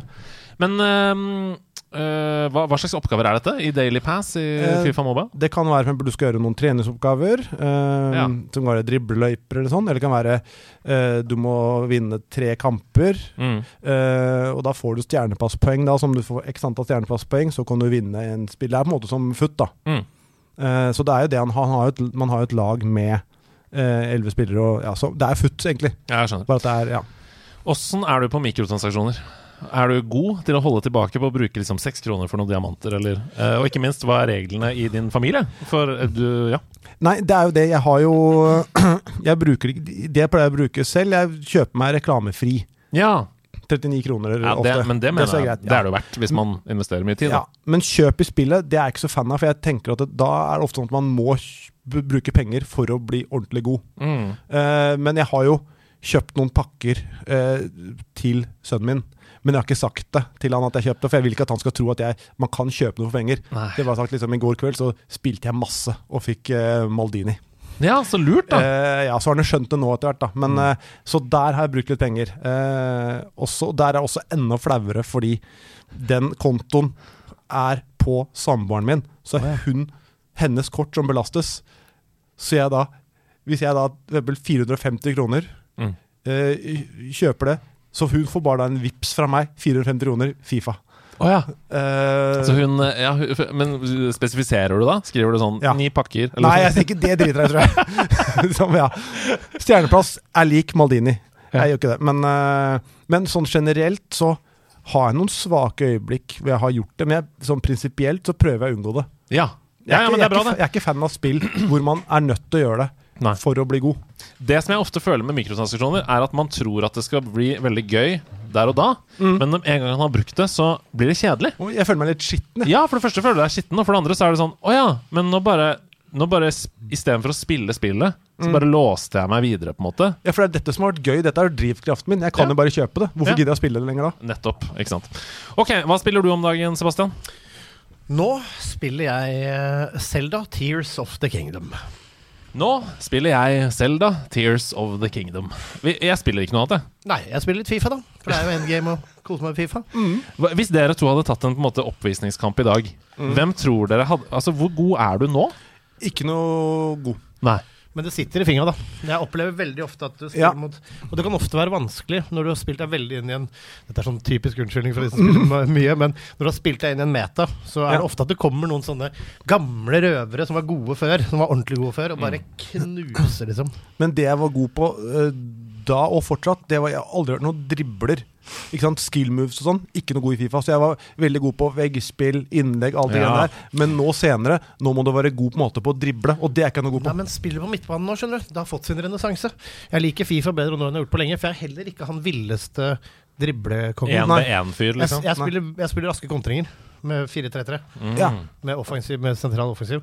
Så det er jo enten Det er, det er jo rock or best på mange måter. Men, Eh, men jeg er ikke noe god på hvis du har 2-2 på lag. For Ja. jeg, jeg som er veldig god Hvis jeg spiller alene, så kan jeg legge og spille Jeg, jeg som spiller opp og spiss, legger den der. For da styrer jeg alt selv. ja. Men hvis jeg da Jeg føler du må være god til å drible hvis du skal spille på lag, for da må du være god enkeltspiller. Mm. ja, altså jeg, jeg spiller jo nesten Altså Jeg og Ken Vasenius uh, Vi spiller mye på lag. Eh, Ja. Så det er jo gøy online. Og FUT, da. Det var bare Ultimate Team. Ja. Jeg, jeg Der, er, føler der har det blitt noe Jeg mikrotransaksjoner. tror jeg hadde tatt Altså Det kommer jeg på nå. jeg, jeg tror jeg hadde tatt av Mats. Jeg tror Ja, det. det, Nå. hvis du spiller mye Jeg, har ikke, jeg tipper siste Siste tre åra tipper jeg har spilt fem kamper. Men kan ikke dere utveksle litt sånn PSN-niks etterpå? Åh, jeg bare orker ikke å bli pissa på Mats Hansen. Nei, men- det nei, det men- blir du ikke da, altså. Nei, men da føler du det, men jeg dere ser det på trynet ditt det på sånn. Det er så mye bedre, det er så mye bedre å si det. Nei, men jeg kan si at det, i, da i min prime så likte jeg noen som ikke visste at jeg var god, og bare Ja. Hvem er det man skyter med igjen? Ja, du er sånn biljardscammer! Ja. Og så, og, så har, og, så, og så har du plutselig med egen sånn dildokontroll som du tar fram. Skal vi se, tar den her USB. Skal Ja. inn der. Er denne USB? men men, men, men um, hvis du var nummer to i verden på et punkt, Mm. som eh, Ja. da Det er noe med spillforståelsen som ikke forsvinner. Trekant, firkant, X og runding, it's all the same. Ja, så det jeg tror det. nok du skal klare å Du skal gjøre deg forstått i dette også, tror jeg. Ja, det gjør jeg nok. Men dere, vi skal anmelde Tears of the Kingdom senere. Da kommer det en liten sånn etterpåprat etter at den anmeldelsen har vært, og da skal vi snakke litt mer om det, Sebastian. Men akkurat nå Ha med, ha med dag. Hey, hey. Ha med, ha med dag. Ha med ting etter ditt behag, for det er ha med dag. Nå er det skikkelig mange her i rommet som lurer ordentlig på Lurer ordentlig på. hva Mats Hansen har tatt med seg fra pikkhuset sitt nå. Har han tatt med seg en gammel figur som har en ereksjon? Eller har han tatt med seg en tube metadon? For det er ha med dag, og alle tror at han endelig har blitt kvitt. Kvitt. At alle tingene der ikke er morsomt skrevet. Men det som folka ikke vet, det er at det finnes et annet kjønnsorgan. Er det en kvinne eller mann? For det er han med dag. Transdebatten raser. Hva har du tatt med deg? Nei, vet du hva? Jeg, jeg, det ble et bilde, for jeg fant det ikke hjemme. Jeg har et bilde av det. Du har et bilde Jeg- av det jeg- du har tatt med. jeg- Nei, jeg, altså, eller det er et bilde jeg har tatt med. For den, jeg kan, Ja. kan eh, airdroppe til noen av dere istedenfor at jeg forteller det selv. Ja, nei, Du kan først og fremst vise det til kamera, tenker jeg, og så kan vi legge det ut på Instagram etterpå. Til Det er greit å vite hva vi ser på Ja. for oss, Andreas. eh, Fordi dette er Jeg har det hjemme, men jeg Ja. leta i boden, fant det ikke. Nei, okay. Dette er for meg veldig stas. Åh, mind blown! Du har sendt det til Sebastian, han Ja. sender det som til deg, og nå sender du det til meg. Ja, da er vi- oh, Åh! Ja, ja, ja, ja, ja, ja, ja. Jeg ser her Dette er stas for en fyr som elsker Fifa og fotball. Og som aldri har vært mer enn middels i ekte fotball. Det er rett og slett er- Kameraet sliter litt med fokus her, men det er altså Fifa 16 til PS4, og der er det Dere ser det ikke på kamera, for det er så overeksponert. Det er bilde av deg. Rett og slett. Du ser faen meg ut som en ung Dennis Bergkamp her. Men er dette Det, var- det, var, offisielt? det var heldigvis eh, stillbilde. For de hadde ikke sagt dette det var levende bilder. Er, det, er det venner som har lagd, eller Nei, er det det, er- offisielt? det er offisielt. Er det sant?! Ja, ja, ja. Ja, ja, han- Jeg hadde, visste altså, hadde ikke vært så stas hvis jeg bare hadde printa ut og fått det til bursdag. Liksom. Nei, hvis du hadde fått det til utdrikningslag eller Ja, nei, det dette ble solgt i butikk. Ja, ja. Wow! Altså alle, det var ganske gøy, fordi alle øh, Dette var over hele verden, så folk i Brasil også bare Hvem faen er dette? Nei. Nei, øh, de hadde alle ligaene som var, fikk uh, forskjellige, fikk forskjellige releases. Men dette solgtes Det var vel da kom vel litt spesifikt til Drammen, det, for jeg husker Vålerenga her i byen. Det stemmer. Det var jo Hvert eliteserielag eh, hadde jo da fikk sin klubbversjon. Og da kunne man stemme. Da valgte EA Sports, tror jeg det var, ut tre spillere fra hvert lag som man kunne stemme Som det var avstemning. Den som fikk flest stemmer, fikk eh, bildet sitt på coveret. da Så Og det der- ble solgt da i Mjøndalen og Drammen og sånn, og det er, det er stas. Er det noe du alltid har vært god på, så er det å rallye til å få folk til å stemme. Jeg var ikke nødvendigvis den beste spilleren av de tre, men jeg var best på sosiale medier. Men men Fifa 16, det var jo en Det var et relativt revolusjonerende Fifa. Jeg, jeg, Jeg husker ikke. Jeg husker ikke om det var da vi fikk 36 Nei, nå, nå kuker jeg. Uansett helt Men jeg vil gjerne hatt med coveret, men det fant jeg ikke. Da ble det et bilde i stedet. Hvis det er greit for deg, så legger jeg det ut på storyen med. Absolutt. Ah, helt fantastisk. Tusen takk for en nydelig og helt unik ha-med-dag. Ikke bare er han en spillkarakter, han er på et spillcover! Ja, altså, jeg er så sjalu nå at jeg har ikke lyst til å snakke mer om det.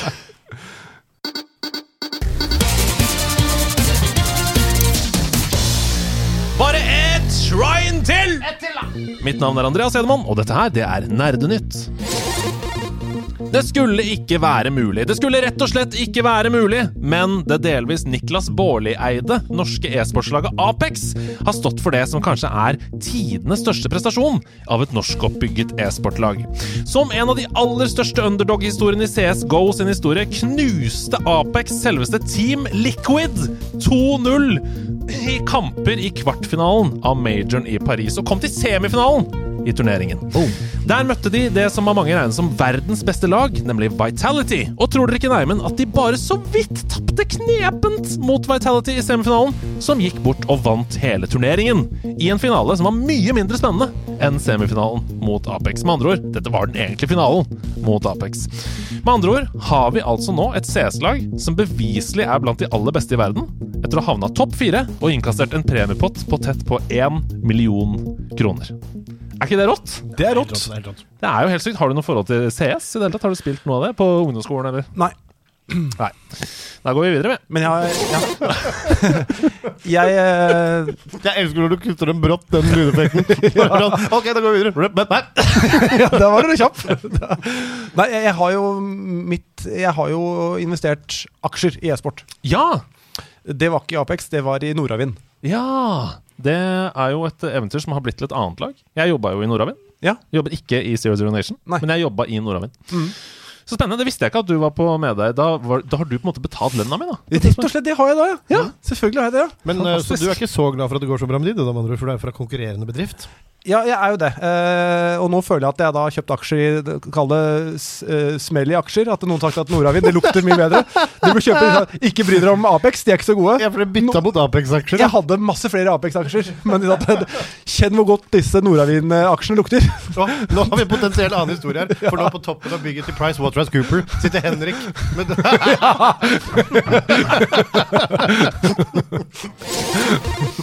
Den finske spillutviklerbransjen via gruppa Neo Games har lagt ut en ny rapport som viser ståa hos våre nordiske venner. Det skriver Erik Fossum i pressfire.no. I rapporten så kommer det fram at spillbransjen i Finland nå omsetter for drøye 37,2 milliarder kroner.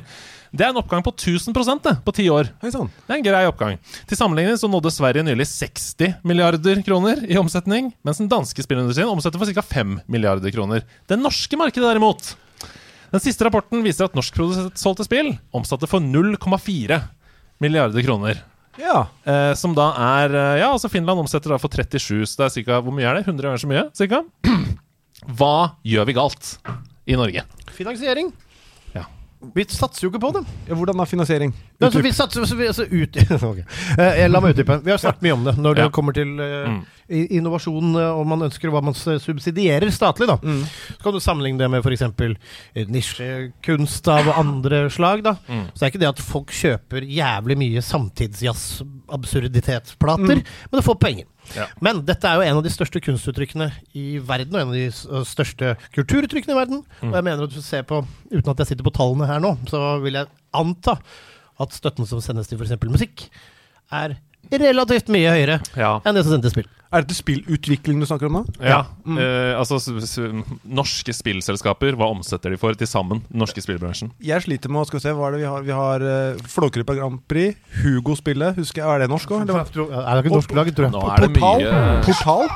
Nå er det mye slåssfeil. feil. Portal?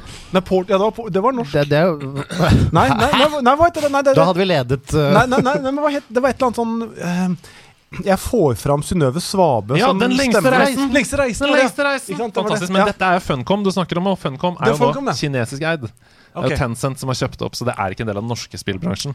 Men uansett, altså, norske spillutviklere har vært gjester hos oss tidligere. Mm. Og de klager på manglende investeringsvilje blant private investorer. Altså i Sverige og har sett investert altfor mye. Investert i feil, åpenbart. ja, fordi hør nå. De har i stedet i Norge gått til e-sport. Ja. De aller aller fleste investorene i Norge investerer i e-sport. Og med tanke på at New York Times sin nylige rapport som viser til at det er ikke ett eneste e-sportlag i hele verden som er profitable Nei, Det er ikke skjønner. ett e-sportlag i verden. Dette er fortjent etter Smellipog. Så, så tenker jeg da at norske investorer kanskje nå bør kjenne sin besøkelsestid. For det er flere norske spillstudioer som har veldig gode tall. Som Ja. har sunn økonomi, som tjener penger Ja. hvert år. I tillegg så er NFI-støtten som vi har i Norge, den er et problem, selv om den også er helt uvurderlig. Fordi norske spillutviklere får en del støtte av NFI, men det er ganske strenge krav som de må oppfylle for å få den støtten. For så må det være et spill som har uh, grobunn i norsk kultur, ofte. NFI, er det Norsk Filminstitutt? Ja. Så støtten ligger under det. Ja. Så hvis du eksempel skal lage et norsk spill, så bør det handle om vikinger. Det bør handle om, ikke ja. sant? Det må ha en eller annen norsk kultur. Brunostspill. Ikke sant? Ja. Er ikke så internasjonalt appell. Nei, det er jo ikke det. Binders, binders er jo kanskje noe, da. Så da, da er det ikke så rart at vi får spill som Draugen, f.eks. Uh, at vi får spill som uh, Flåklypa Grand Prix, som du snakker om. Det er Ja. basert på norske verk, eller videre. Ja. Uh, så private investorer eh, Dette er stygt å si, for det er veldig bra at dere investerer i e-sport også. Mm. Slutt å investere i e-sport! Ja, ja, ja, ja, jeg, jeg brent barn til ilden. Jeg skal ikke investere mer i e-sport. Ja, men gjør begge Er, deler. er. Don't Starve basert på sult av Hamsun? Veldig godt poeng, men jeg tror ikke det er et norsk spill. Nei, ikke det. Vi skal ut av landet. The Legend of Zelda Tears of the Kingdom knuser de aller aller fleste rekorder. Det skriver Gematsu. På Twitter så avslørte Nintendo denne uken at Tears of the Kingdom solgte 10 millioner eksemplarer på tre dager. Dermed er det spillhistoriens raskeste solgte Zelda-spill, rett og slett. Eh, Raskere enn Breath of the Wild. I Europa så har det også solgt raskere enn noe annet spill på en Nintendo-konsoll noensinne. I Europa, altså. I Japan så er det fortsatt Splatoon som ligger foran. Det er helt utrolig spesielt. Men det gjør det. For å sette dette i perspektiv, da. Elden Ring, altså fjorårets soleklart beste spill, by far. Mange vil si det er et av de beste spillene som er lagd noensinne. Det beste spillet laget noensinne. Nådde nylig 20 millioner solgte eksemplarer totalt. Og disse var 10 millioner på tre dager. Ja. Og Elden Ring er på alle plattformer. Det er på Xbox, PlayStation, PC. Eh, Tears of the Kingdom solgte halvparten på tre dager, kun på Nintendo Switch. Hei. Hei sann. Ja, altså, men Det er litt dårlig gjort å sammenligne. Det er litt som å si at det var flere som så Jurassic Park på kino enn A Serbian Film. Ja. Det er eh, to Det er sant, det er kanskje nisje, men jeg, jeg bare føler at Elden Ring er så Det er mer kommersielt enn noe de har gjort før. Men det, jeg er enig. Det er ikke, det er ikke et Nintendo-spill, liksom. Og så er det ikke, det er ikke for barn. Det er ikke, så Det er alle, så Zelda er for alle nå. Ikke et vondt ord om uh, Tears of the Kingdom. Et mesterverk! Jeg har personlig så å si slått opp med Overwatch denne uka her. Har det Eh, endelig skjedd, da? Etter en Hæ? Ja, jeg bare vi har sagt så Jeg har ikke spilt det på flere uker. Vi rundt har Eh, prøvd å si at hun ikke er bra for det. Etter den sjokkerende og veldig veldig skuffende nyheten om at Blizzard har skrinlagt hele action-eventyrdelen som de lanserte i 2019. Det var hovedgrunnen til at Overwatch 2 i det hele tatt ble lansert. De sa nå kommer det en nytt spill her med masse nytt innhold osv. I denne delen hvor du skulle kunne spille alene, du skulle kunne spille sammen med venner, oppgradere skill trees, fullføre historier, missions, et RPG-spill på en måte, i Overwatch. Aaron Keller fra Blizzard avslørte på spørsmål fra GameSpot denne uka her at modusen ble kansellert for allerede halvannet år siden. Da teamet innså at det ville ta flere år å fullføre den. Vi diskuterte jo dette her, at det var jo en av de tingene vi gledet Altså en av grunnene til at vi syntes det var ok. Det var den hele, gru hele grunnen, syns jeg, til å innføre et nytt spill. Ja, men det er den en fra fuckings reskin, da, liksom. Men Blizzard, for meg, så er det kun Diablo Ja. derfra. Men gleder du deg til Diablo 4? Den kommer da? Jeg har kun spilt Diablo 1. Så det er kun Diablo 1 for deg, da. kun Diablo 1. Men jeg vet at det The er real OG. Jeg vet at det er flere norske spillanmeldere der ute som sitter nå og spiller Diablo 4 i ja. påvente som skal, Det skal jo komme straks. Eh, og jeg tror det er eh, bra, altså. Så hvis du har lyst til å steppe inn igjen i den Men er det For det, det jeg frykter nå, er at eh, med nye spill så er det så Du må ha spilt så mye før. Jeg tror ikke jeg kan Kan jeg gå rett inn i Diablo 4 og skjønne det? Jeg skal det. Jeg har aldri spilt et Diablo-spill. Ja, altså, men du må også huske at det er i alle spill i våre dager så er det mye tutorials. Så du blir, du blir uansett den første biten lært opp. Mm. Ja, men da, så hvis det er da online-spill, da, da føler jeg at jeg er så langt bak alle andre. Jeg kan ikke begynne å spille eh, for noen år siden, da Fortnite Da Mm, folk har spilt det i ett år, da. Da tenkte jeg sånn Jeg kan ikke begynne, for jeg er så dårlig. Ja, men du skjønner, altså, det begynner folk å spille det hver dag. Hver eneste dag begynner folk å spille Fortnite. ranking, ja, Det ja. kommer til å gå kjempebra, det. Kom deg inn i Fortnite! Men, men Diablo er ikke rent online, det er jo en historie. Ja, ja, ja, Ja, ja, ja, ja, ja, Så det kan liksom gå, men uh, ja. Ja. Anyways, jeg blir så sur av denne Overwatch-fadesen. Det føles nå som et helt 100 unødvendig cash grab-spill, som kun ble lansert for å innføre Battle Pass-modell, uten at da spillebasen skulle klikke. For det er den eneste forskjellen fra Overwatch 1 til 2. Det første spillet kosta 400-500 kroner. Det andre spillet er gratis, men har Battle Pass. Sånn som alle andre moderne spill. Mm. Det er nå, for meg, den eneste forskjellen. Du elsker Overwatch, Andreas. Dette kommer over. Dette får vi se om jeg kommer over. Ta kjapt med at Erling Haaland har selv avslørt hvilket spill det var han er mester i. Han la det ut på Story forrige dagen. Det er Minecraft! Det er Minecraft! Ja. Og det er så koselig. Han var, han, altså Tenk på dette, folkens. Erling Braut Haaland var elleve år da Minecraft kom. Selvfølgelig spiller han Minecraft! Det var prime da han var elleve år! Eh, og det beviser jo da altså at du For han la ut et bilde der hvor han bare skrev hashtag gang, og så var det alle vennene hans, og så sto det på norsk sånn 'oppgraderinger' blup, blup, blup, nedi hjørnet. Ja. Så var det alle vennene hans i en firkant, for alle hadde diamond armor. I Minecraft. Men, men, men eh, jeg, jeg føler Det er sånn litt utypisk. Jeg føler liksom det er veldig Fifa-sjargong blant Ja. fotballspillere. Eller Fortnite. Eller sånn. Eller Fortnite, De danser Fortnite, jo ja. liksom sånn Ja, danser det er sant, sånn. sant, Ja.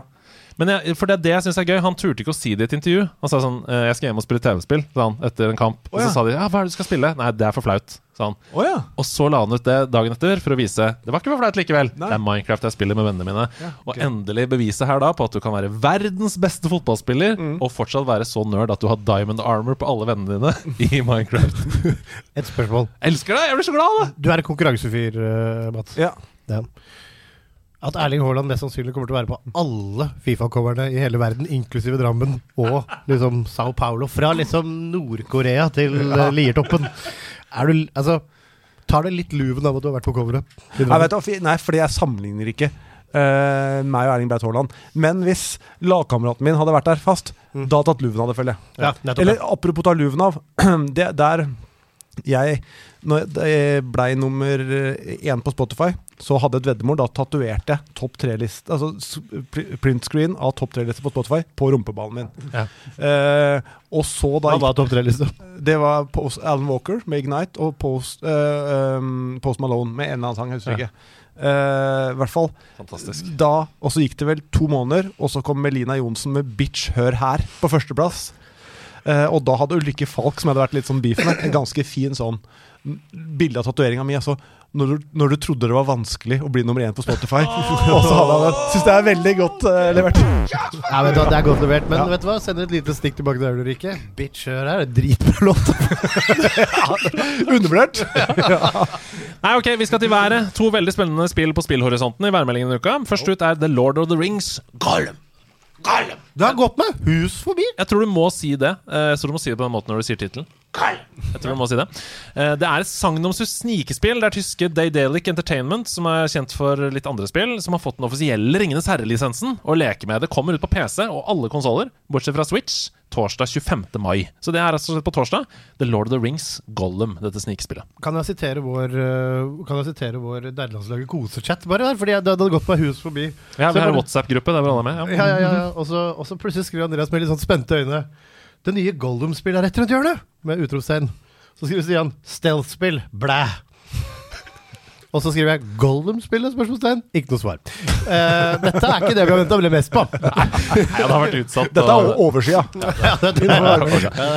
Neste tirsdag, neste tirsdag 30. mai så kommer nyversjonen av det klassiske actionspillet System Shock fra 1994. Uh, Der hvor du skal utforske en romstasjon full av farer. Der den kunstige intelligensen Shodan stadig prøver å ta livet av deg. da Litt som i denne filmen til Stanley Kubrick. Um, Litt som. eller Eller som filmen til Stanley Kubrick. blindkopi, da. Så, Det skal, en, det skal ett foster i en uh, sånn fostervannspose i verdensrommet til nå før jeg caller plagiat. er det noen som husker System Shock i det hele tatt? Fra 1994? OL-året? Uh, nei, men jeg, jeg husker godt navnet, men jeg, klarer, jeg tror ikke jeg har spilt det. Eller er det det med mange sånn, var det sånn at det kom en hopper med en fakkel, og så var det masse vetter, og nei, det er Olof. Ok, uh, System Shock kommer altså ut på PC på tirsdag. Bare ett shrine til. Mitt navn er Andreas Hedman, og dette her det var Nerdenytt. Anmeldelse i nerdelandslaget. Ja, du! Jeg har rett og slett ikke gjort så veldig mye annet enn både dag og natt sprille Tears of the Kingdom, sånn at vi skulle ha klart anmeldelse til denne episoden av Nederlandslaget. Uff, det er et svært spill, så jeg er ikke ferdig, men jeg er ferdig med Ja, vet du hva? Vi, vi snakker litt om det etter at vi har hørt på anmeldelsen. vi. Her kommer den. Hopp.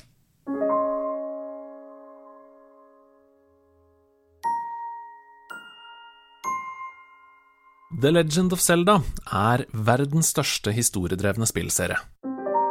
Helt siden utviklingen av det aller første spillet begynte i 1984, så har spillene i serien til stadighet gjenoppfunnet seg sjøl, og som regel tatt med seg hele spillmediet i samme slengen. Zelda-serien har funnet opp puzzles, lagring i spill, lock-on-targeting av fiender, tredjepersonsperspektiv med in game-kamera, og ikke minst open world. I tillegg til å finne opp mekanikker, har også spillserien tvunget seg selv til å ta modige valg, både grafisk, historiefortellingsmessig, musikalsk og gameplaymessig, gjennom fire tiår.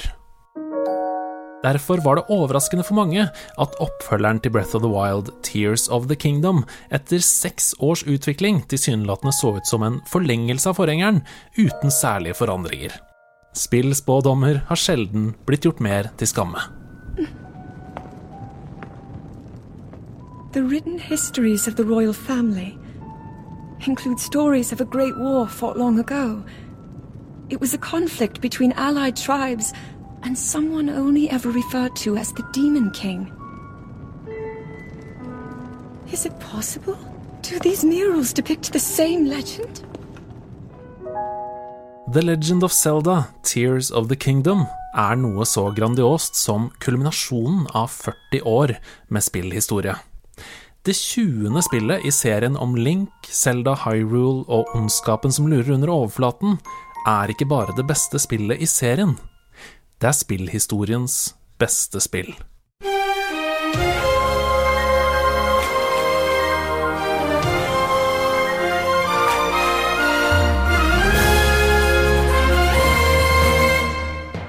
Allerede fra anslaget i Tears of the Kingdom så forstår du som spiller at du kommer til å bli tatt med på noe helt spesielt.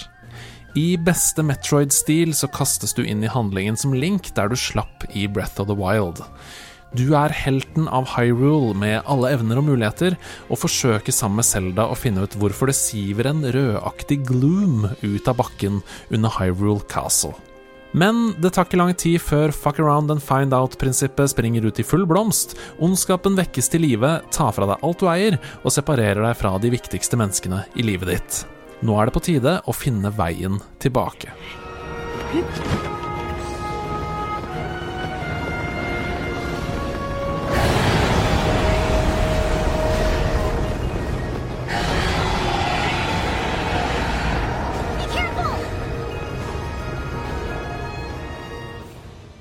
Og det gjør du på aller beste vis, nemlig ved å spille spillet.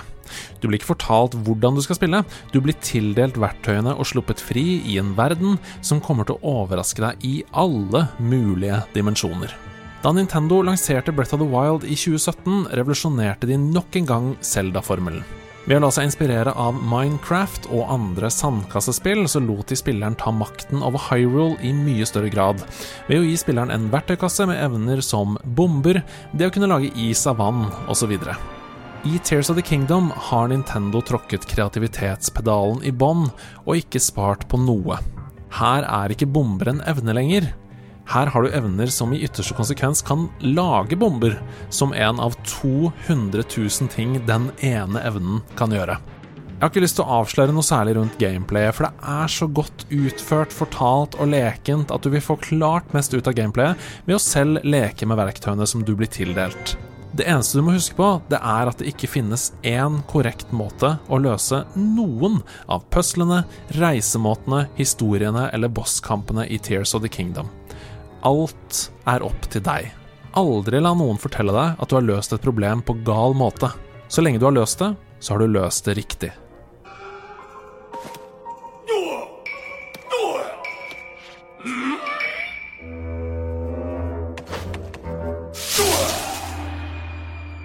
Og jeg må bare dvele litt med selve grunnmuren i det her, for det er selve essensen av spillopplevelsen. Jeg blir så lykkelig av å se hvor nøye spillutviklingen av Tears of the Kingdom har vært i absolutt alle faser.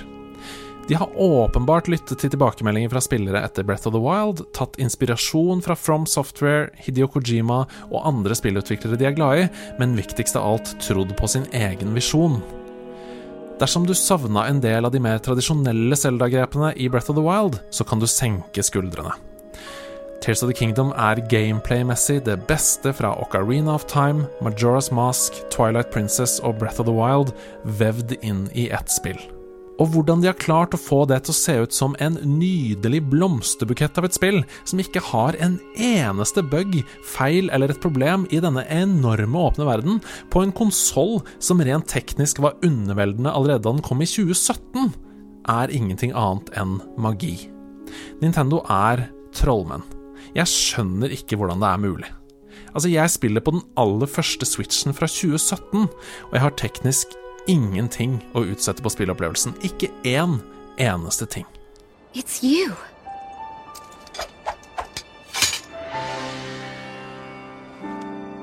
This changes things. I didn't expect to see you here.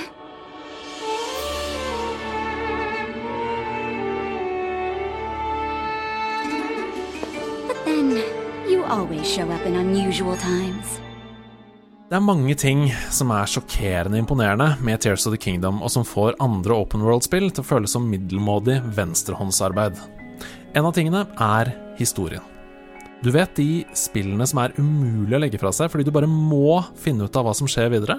Altså de spillopplevelsene der hvor du ødelegger neste arbeidsdag, eller glemmer at det er 25 grader og sol ute, fordi du helt åpenbart er aller, aller lykkeligst når du henger med vennene og familien din inne i spillet og forsøker å redde verden.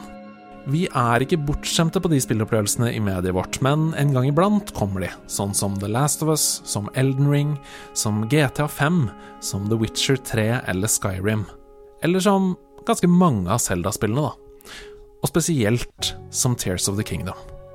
I tillegg til å ta for seg de mer tradisjonelle Zelda-tematikkene som mot hos individet, men støtte i fellesskap, er Tears of the Kingdom overraskende modig i sine fortellergrep og drar tydelige paralleller til aktuelle problemstillinger for verdenssamfunnet i 2023.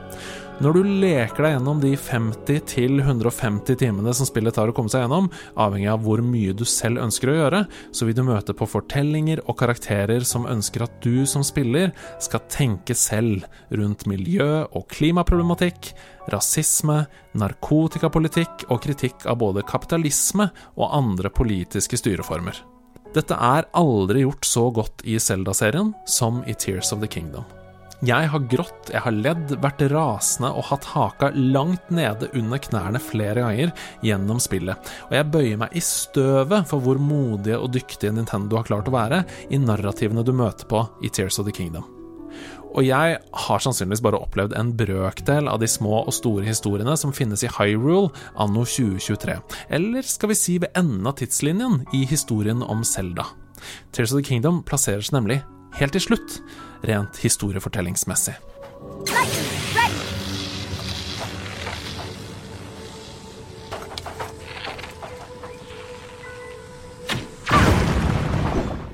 Tears of the Kingdom er en feiring av spillmediet og en hyllest av Zelda-spillene. Det høres ut som et historieløst utsagn, men musikken har kanskje aldri vært bedre i hele serien. Soundtracket er fylt med musikalske og historiske nikk til alle tiårene som Selda har eksistert. Jeg har tatt meg selv i å stoppe opp flere ganger for å lytte til stemningene som de fire hovedansvarlige komponistene til enhver tid skaper. Og det å bli servert alt fra prog- og space rock-fløyter som ville gjort band som Hawkwind, Yes og Pink Floyd lykkelige, til å plutselig oppdage en liten strofe fra Gerudo Valley-tema fra Ocarina of Time, vevd inn som en homasj i fem til seks sekunder av et annet tema, det får meg til å gråte og hvine av glede. フフフ。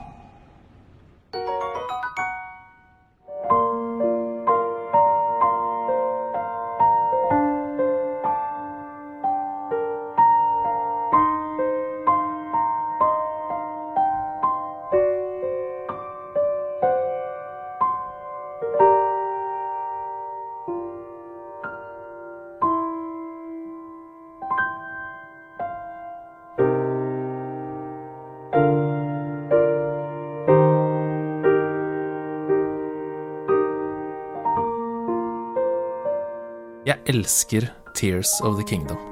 Ikke bare er det et langt bedre spill enn det så å si perfekte Breath of the Wild, det er for meg det soleklart beste Zelda-spillet som er laget. Og det gjør det også til spillhistoriens aller beste spill.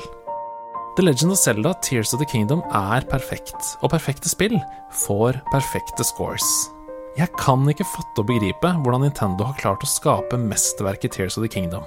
Det eneste jeg vet, det er at det blir vanskelig å gi andre spill 100 av 100 hedermenn etter dette.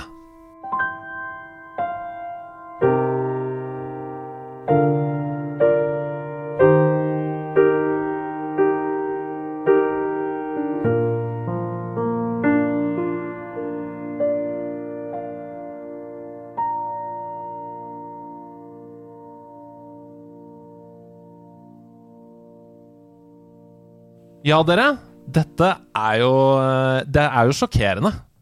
Ikke bare gir jeg Tears of the Kingdom 100 av 100 i score. Jeg sier ikke bare at det er tidenes beste Zelda-spill. Jeg sier at det er spillhistoriens beste spill. Ja, der tar du jo feil. I, i anmeldelsen Og du sier jo også da indirekte at det kommer aldri til å komme noe bedre spill heller. Nei, altså opp til nå, da. Nei, men du kan ikke, bli, du kan ikke få 100 igjen. Så det, når du gir noe 100 av 100, Ja. så sier du eh, også eh, implisitt det kommer aldri til å komme bedre spill enn dette. Det kan være bare like bra. Ja. Er det jeg sier, da? Ja. Eller, ja, ja. ja men hva det skal må jo være greit. Altså, er, det, er ikke lov liksom, Er det ikke lov med perfeksjon? Nei, fordi jeg har spørsmål til dere her. For det første skal vi snakke litt om Tears of the Kingdom, men for det andre så har jeg spørsmål til dere. Er det feil? Kan en anmelder si allerede nå at dette er spillhistoriens beste spill? Eller må man vente for å se om det holder seg, f.eks.? Sånn som når man snakker om, nei, man snakker nei. om Nei, Det, det, det har du din full rett til. Du kan jo ikke Ja. anmelde en film etter tre år. Jo, den holder seg fortsatt. Terningkast seks. I det, i det, jo, men i det du sier, i det du sier uh, spillhistoriens beste spill for deg, så er det jo det fordi det er historien. Men historien, den er noe vi skriver underveis, Andreas. Så det er litt, det er litt at 100 av 100, som du sier, at da kan det ikke komme noe bedre. Jeg er litt uenig. Fordi 100 av 100 nå, det betyr ikke at Nei. 100 og 100 senere. Fordi Greatest of All Time, The Goat-tittelen, den Ja, kan jo gå videre. Ja, ok, så du tenker at ikke sant, og da den Så, så 100 og 100 i, om fire år, det er et bedre spill enn 100 og 100 nå. Akkurat som at fotballen som spilles i Champions League-finalen nå, er langt bedre enn det Champions League-finalen var i 1999, Ja. Selv om Ronaldo og Messi uh, strides om uh, hvem som er the goat, så betyr ikke at det, det Pelé var ræva. Jeg bare mener Nei, det var oppskrutt. oppskrytt. jeg bare mener at det generelle Hallo! Hallo! Om du ennå har den Ja. knappen. Jeg bare mener at Fred er hans minne. eh, Pga. teknologi, pga. utvikling, så heves det generelle nivået. da de, Ja. De kan levere på et høyere nivå nå enn det de kunne for 20 år siden. Ja. På en måte Men ja, Tears of the Kingdom, hva er dine førsteinntrykk? Hvor mange timer har du Jeg er usikker på hvor mange timer jeg har. Um, jeg uh, liker det veldig godt. Jeg syns det er uh, et superbra spill. Hadde, Mm. ba, kan ikke si uh, ferdig. Jeg har vel ti, kanskje. Jeg har Mm. ikke hatt så mye gametid. Men um, skal jeg være helt beint Ja, selvfølgelig. ærlig? Bare si det du vil. Jeg syns det er litt, grann, litt grann overdrevet bruk av denne fysikkmotorgreia. Det er liksom Ja, det, det har blitt liksom Siege, hvis du har hørt om det. Sånn, Ja. Skal bygge deg sånne ja. Besiege, ja. Ja, Besiege, Mm, ja, mm, ja. mm, Altså, du bygger deg liksom veldig fysikkdrevet. Jeg liker det. mm. Eh, er ikke fan av våpensystemet. Aldri vært. Nei. Eh, så Nei, men det er jo helt fair. Det er jo en, en ting som splitter community. De som liker det, og de som ikke liker det. det er sagt, så er det et fantastisk spill, men jeg må spille det ferdig. Det er storkos meg. For å introdusere deg for det, da, Mats. Ja, for jeg, Altså, jeg har ikke, jeg har null spilltimer på det. Ja. Det kan jeg Det si. forrige Zelda-spillet du var, på Philips CDI. Det var, link, det var links. Så, nei, men, nei, men eh, dette hadde vært et problem for deg, for våpensystemet i disse nye Zelda-spillene er jo sånn at du finner et våpen, og så bruker du det, og da blir det Det knekker. Ja. Så du må, du må hele tiden Du belønnes for utforsking for å Ja. finne nye våpen som blir bedre og bedre. Så du kan ikke liksom gnure på de beste våpnene dine. Nei, men akkurat det tror jeg hadde vært greit. Men jeg hadde ikke vel gått videre, for jeg hadde sjekka ut Her er det ikke noe mer våpen. Da kan jeg gå videre. Ja. Det var det stresset. Ja. Jeg tror ikke jeg hadde noe problem med å kaste ting. Nei. Du hadde aldri kommet videre, for du kan lage dine egne våpen. Ikke sant? Jeg hadde, ja, det stemmer. Nei, men Du slår jo meg som en type som også er opptatt av å liksom lære deg reglene for ting, og så utnytte det til det optimale. F.eks. eksempel i Football Manager eller eh, Fantasy. For eksempel At du tenker sånn Hva er de beste strategiene? Hvordan kan jeg liksom knekke hva spillutvikleren har tenkt? Ja, jo da, det stemmer nok. Ehm, men eh, nei. Jeg må nok eh, være litt mer eh, yolo Ja. i spill eh, som gamer, tror jeg. Bare kose meg, bare suse gjennom. Nei, men da har vi altså det på bordet, dere.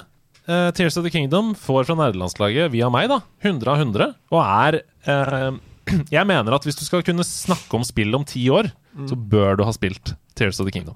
Og Elden Ring. Jeg vil bare også si kjapt at jeg ikke setter ned si- Sier noe negativt om Tears of Kingdom. Jeg storkoser meg i det. Ja. Og sitter allerede og tenker på Jeg skal lage meg et kjøretøy etterpå som jeg har i hodet. Oh, ja! Så fordi du kan lage ting av alt. Gøy. Så jeg skal bare Jeg har en sånn bilidé på et område jeg er i nå. Så Men jeg gleder er- meg noe sinnssykt til å se GDQ, og se hvor broken, Broken, det blir. ja. Ja, for nå lurer jeg på, er det sånn nå at hvis du nå eh, slakter noe nå, sånn som hvis noen da sier at det, eh, det fot den fotballspilleren der er ræva, så får du masse henvendelser.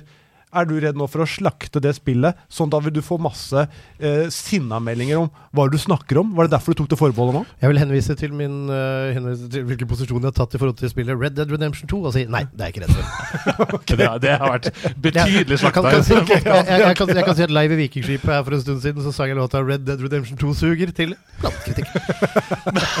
men, men ja, jeg skal bare for å uh, forene verdenene til slutt her. Jeg tror ikke Tears of the Kingdom hadde vært så bra som det er uten Elden Ring. Det tror ikke jeg heller, og det er bare en kjempebra ting.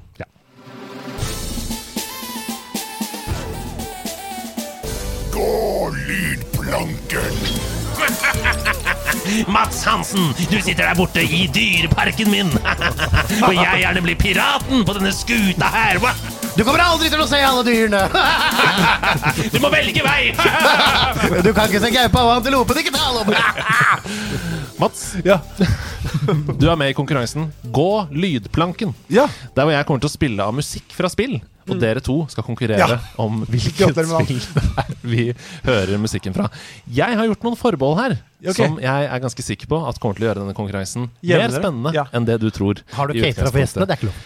Vi får se, da. Ja. Vi får se da For jeg har på en måte catera for dere begge to. Oi, helsike. Her kommer den første låta, og jeg vil at dere skal si hvilket spill er dette fra. Husk å rope navnet deres når dere vet hvilket spill vi er fra. Ja.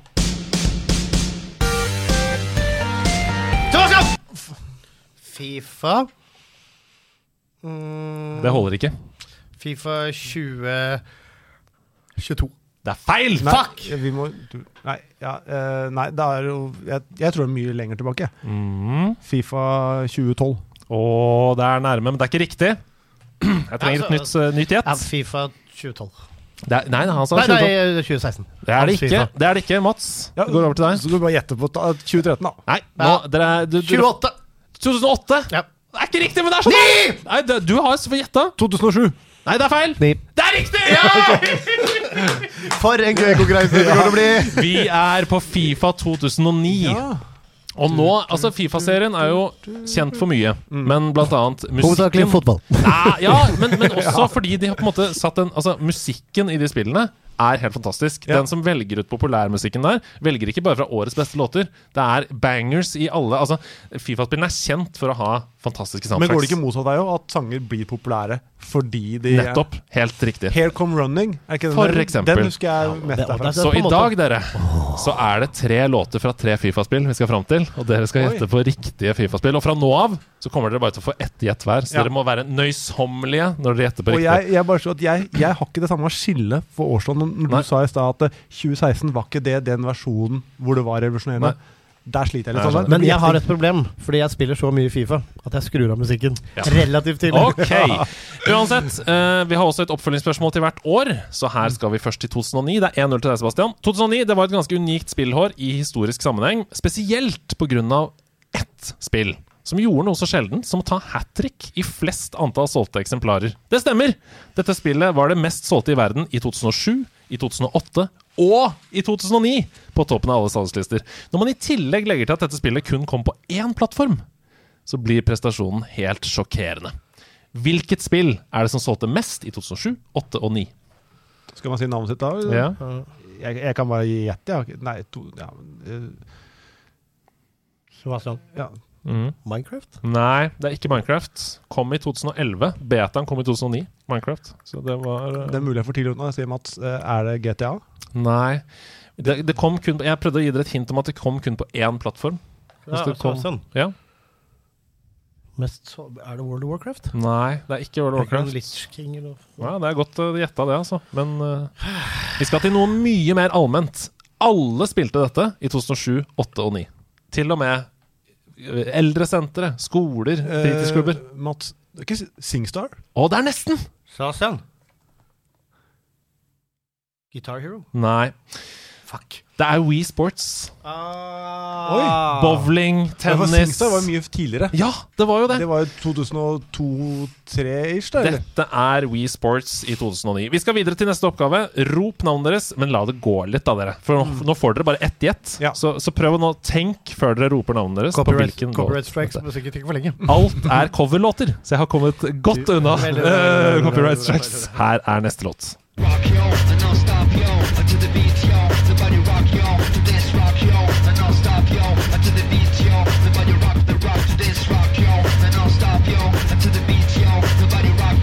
Sebastian. this rock 2004. Og det er feil! Å, ja, jeg, Er nå skal jeg, feil. uavhengig av ditt gjett, jeg, jeg skulle si 2005, jeg. Ja.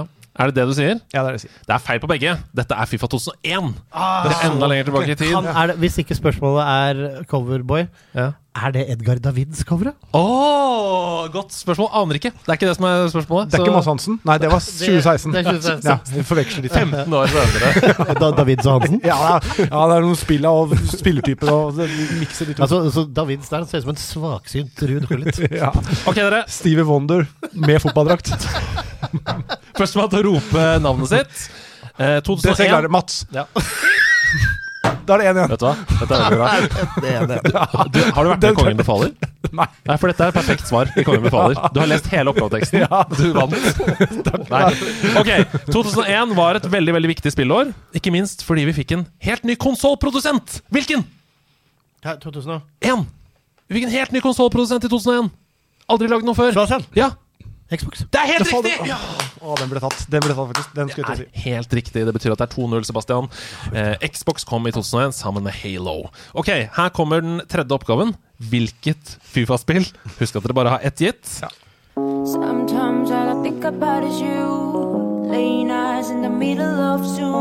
Er det out. Har du gjetta? Ja. Eh, nei, jeg sa Mats, ja. Ja, du sa Mats, ja. Jeg Eh, følte vi, det var skal, vi skal ikke så langt tilbake. Er det Er det Fifa 21? Det er riktig! Det er Yes. Fifa 21! Ja.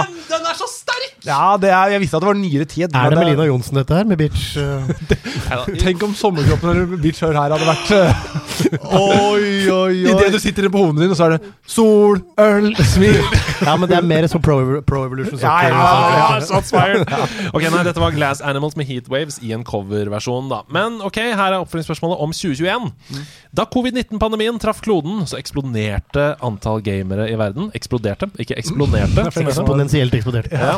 Ifølge Ipsos, hvor mange active videogamers var det på verdensbasis ved utgangen av 2021? Og her har jeg så dårlige forutsetninger for å gjette riktig. Ja, og jeg skulle egentlig gjerne hatt gode forutsetninger, men det, er så, jeg, altså, det går rett inn i Men ene ruta. Så, hadde aktive Ja, gamere. hvor- Hva er altså, definisjonen det- på aktiv? Ja, for det er det, da.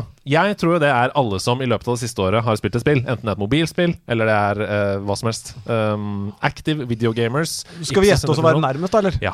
For det riktig nå, det er godt gjort. Ja, det- det- det hvis du treffer på krona, på en måte. Ja, men du tok 2021, så det er alt mulig. Nei, men det er den som kommer nærmest. Og her må dere da eh, skrive ned et svar, sånn at dere ikke Ja. kan riffe av hverandre. Sebastian, eh, åpne din kalkulator. Du trenger ikke å skrive i notes. Du kan åpne kalkulator, f.eks. og så er det spennende å se. Hvem er det? Bli med og gjett i chatten. Gjett hjemme hvis dere sitter i bil på vei til hytta. Ehm, hvor mange active videogamers ved utgangen av 2021? Sebastian endrer tall. Nei, det ble for mye. Det ble for mye. Ok, ok, ok. Sebastian har kommet fram til et svar. Er du enig med deg selv, Mats? Eh, ja. Det her kan, det her kan være stygt. Jeg har- jeg har null klu. clue. Ja, Ok, Sebastian, hva har du svart? 200 mil. Du har svart 200 millioner. Da ser en av oss veldig dum ut. Ja, det kan 1,8 milliarder. Ja. Det riktige svaret er 2,96 milliarder spillere! Det er, Da er det ganske bra! det er tre milliarder spillere i verden! Men hvor mange mennesker er, ikke, sånn- hvor mange mennesker er det i verden? Men det, det første jeg skrev, det var 2,4, og så angra jeg meg. Men jeg var jo nærmest, da. Men Ja, det eh, er, ja, men fem milliarder mennesker? Er det ikke det vi er? Jeg vet ikke hvor Nei, mange er vi ikke, er vi ikke, er er sju, da? Ja, okay, greit. Det, men, Men jeg altså- tenkte, når du sa mobilspill, Ja. da gjelder det at begynne å tenke Men det er jo mange som ikke har mobil. Det var derfor jeg trakk meg ned fra 2,4 til 1,8. Det er uansett helt fantastisk jobba. Det har blitt 2-2. Du går uavgjort ut av Gå Og da blir jo Kongen befaler-oppgaven som avgjør, da. Nei, Jeg, nei, nei. Førstemann til å si navnet sitt, det var meg, det! Ja, vet du hva, vet du Mats? 3-2. Vet du hva, Mats? Du er en kremler, du skal få den. Takk. Well, actually, surely what you're saying is a balderdash of ox's feces, sausage tissue, urine talk. On, on the contrary, no, no, no, no. I beg to differ! De nerde strides. De nerde strides alltid i nerdelandslaget. Det hørte vi nå nettopp. Uh, I Ipsos-oppgaven her, hva er det du har tatt med deg som en kontroversiell mening til oss? Du er jo god på det. Altså, du er god på å få en hel nasjon på nakken. Eh, I hvert fall halvparten av den. Enten det er snakk om nasjonalsang eller uh, hva Ja. Uh, nei, for meg så er det Jeg sleit litt her.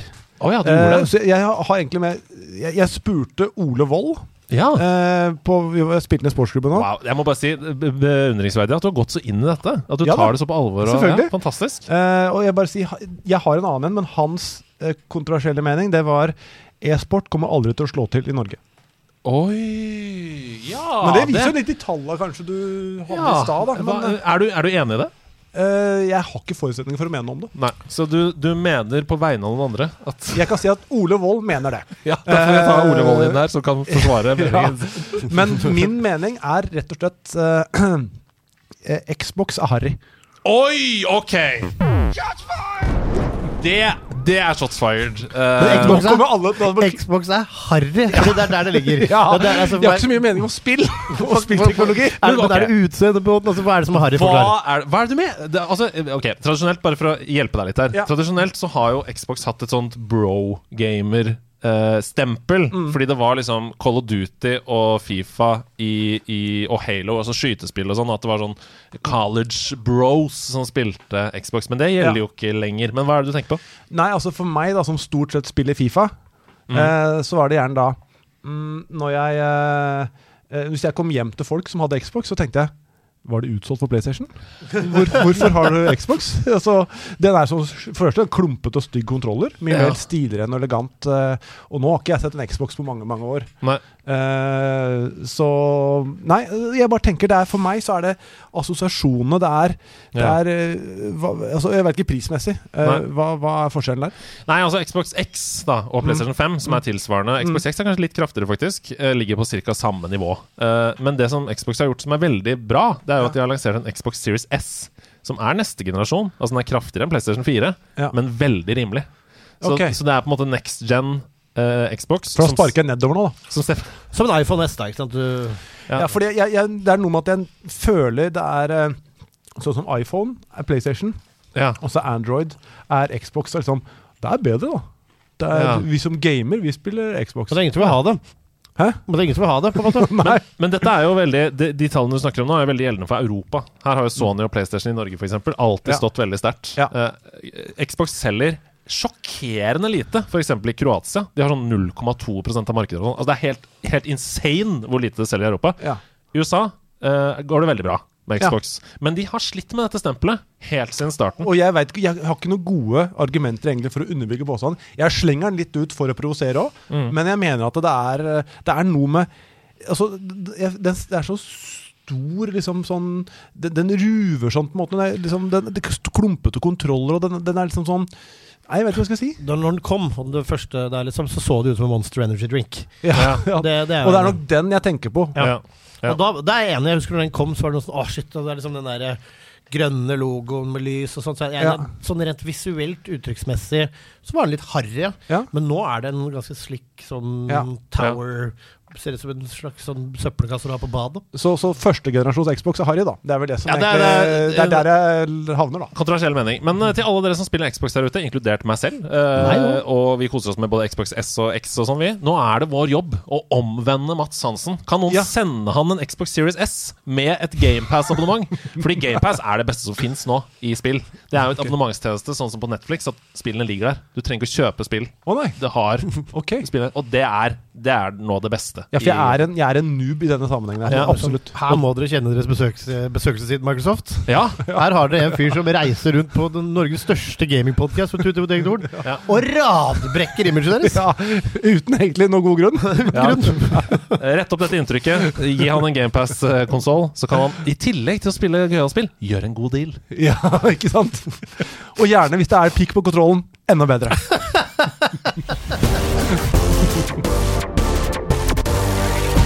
De fire store. Vi kopierer jo selvfølgelig topp tre her i nederlandslaget med vår egen lille spalte som heter De fire store. Og vi snakker ikke om fire store diktere, vi snakker ikke om fire mennesker i Mount Rushmore. Vi har hver uke med oss Det kan være fire gode pastaretter som du kan bruke tomatsaus i. Det kan være fire gode spill der det kun er kvinnelig hovedkarakter. Det kan være fire spill med de beste soundtrackene noensinne. Men Sebastian Brunestad, hva har du tatt med deg denne uka? Jeg har tatt med meg fire store, gode dokumentarer om spill og eller nerdekultur du kan kose deg med. Oi. Nummer én. én. Du, du må lage ekko. Nummer én. én, én. Takk. Bra ekko. På Netflix. Faktisk eh, tre av de på Netflix. Å ja, å ja, ok. Jeg kan gjøre en god deal. Speedcubers. Speedcubers, ja. Ja. Oi, det har jeg aldri hørt om. Speedcuber eller Speedcubers. Jeg tror jeg har sett den, jeg. Ja. Det handler rett og slett om eh, the peak elitenivået av Rubiks kubeløsere. Å, er det bra? Jeg er meg veldig med den. Ja, og det handler om eh, Ja, den er virkelig bra. Det handler om Semdegs og uh, eh, hva, heter han? Park.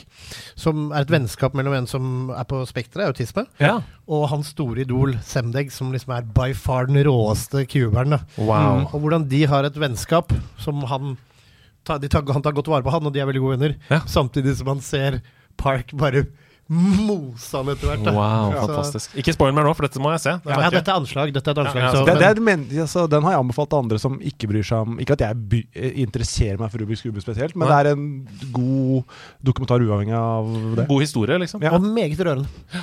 Herlig. Nummer tre. tre, tre. The Toys That Made Us. Ja, den har jeg hørt om! Har jeg ikke sett, men har hørt om. En veldig sånn fast-paced, ellevill dokumentarserie som handler om leker. Eh, Jeg vil anbefale alle episodene, men der finner du garantert noe fra dine to sesonger, tror jeg. Garantert eh, en lekeserie som du har vokst opp med uh, når du var liten. da Pog, Pog. som- Pog. Finner du ikke, eh, dessverre. Eh, men, Men det var jo The Toy That Made Henrik, da. Det var det. Ja, nå sitter han på, som konsernsjef i Apex. ja, Eller på Dikemark og skraper. Ja, av ja. Men, eh, men, men der er det alt fra Turtles, og så får du historien bak. Du får møte utvikleren. Du får møte Mm. Det er veldig humoristisk, gøyal klipp i det. Det er mm, rett og slett høy, høy kvalitet, og man lærer veldig mye gøy om en bransje. Så alt fra Star Wars-figurer til My Little Pony. Har du noen gang samla på sånne ting? Eller vært eh, opptatt, Bortsett fra pyntegjenstander på hjemmebane? Nei, jeg har ikke det. Nei. Jeg har, er fotballkort der nærmeste. Ja, det er nærmeste. Og der har du 94-samlinga di, eh, som du må gå hjem og sjekke. Ja. Nummer to. Fra skaperne av The Toys That Made Us har de også, tror jeg, det samme. Jeg er ikke helt sikker, så det sa jeg litt ut av hatten der. Trakk sømløst ut av hatten, som Andreas ville sagt. Det er en serie som heter High Score High score, ja! på Netflix. Kjempebra. Den er veldig bra. Gaminghistorie fra start til slutt om hvordan det ble kompetitivt, hvilke spill som herja, og møte masse utviklere. Og du Jo, får den, se jeg masse. tror også jeg har sett den nå. En serie det kunne vært lurt for deg Mats, å sett før du kom. I dag. Ok. Det kan være tips til alle nye gjester, faktisk. Å ja. Er det en Se- tutorial innenfor spill? Du kommer ut på andre siden der med mer kunnskap. men jeg, jeg tror jeg har sett den, faktisk. Så det hjalp ikke, det. Nei, men Vi kom liksom ikke inn på temaene nesten. Eller? Men det føles som noe som vi burde lagd, det der. Men du får snakke for deg sjøl. Vi har vært inne på Philips CDI, Ja, og du har vel holdt din egen jeg syns du har levert uh, Ja, meget, det, det, er, det er smalt. Jeg må bare si. Det er der Da Lars Berrum var gjest her, en av de første episodene, så snakka vi om ett spill. Okay, og I det hele var, episoden Og det var Batman Arkham City, som han har spilt i 3000 timer. nå har vi ikke snakka om Street Fighter 2 engang ennå. Og der er du Det spilte i Spania på maskin der, Ja. der vi ferierte. Der var jeg jeg, jeg tror jeg var Guile mest. Åh, Er det greit at vi kaller deg Arkadekongen fra nå av? Vær så god. Kan jeg også bare si at hvis du lar det håret gro litt grann, og få på noe gelé på toppen der Du er ikke helt ulik, Gail. Jeg er ikke det, vet du. Få- Å få på noen sånne militærklær. Var det noe Tanktop og sånn. Ja. Deilig. Nummer én. King of Kong. Det var det jeg skulle til å si. Ja. King of Kong. Ja, den du, er god. du følger Steve Weeby, eller Weeb, eller, du, Ja, ja, som er en uh, lokal pokal som spiller uh, k- Spiller King Kong. Mm. Eh, nei, Donkey Kong. På uh, arkademaskin. Klassiske. Og det er det mest kompetative miljøet, for det er den ultimate spillrekorden å ha. Mm. Um, og da er det Twin Galaxies som har scoreboardet. Ja. Der møter du Billy Mitchell. Oh, som er figur! Guds gave til gaming og verdens jævligste type. Ja.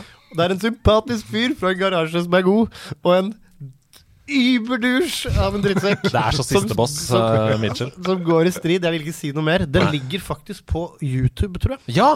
Se den. Ja, den er. Det var den jeg, hvis ikke du hadde kommet med den, skulle jeg foreslått den, faktisk. Den er ordentlig god. Den er altså Det er tårer, det er latter. Det er altså et møte med et persongalleri som har bare Det viktigste i livet er den highscoren og hvor du jakter der. Og hvis du etter at du har sett den nå, for det har kommet fram nye opplysninger, nemlig, både i 2022 og 2023 Hvis du googler 'What happened to ja. Billy Mitchell' etterpå, Ja. gå og gjør det. Men stemmer det at han teipa på noen sånn markører på skjermen?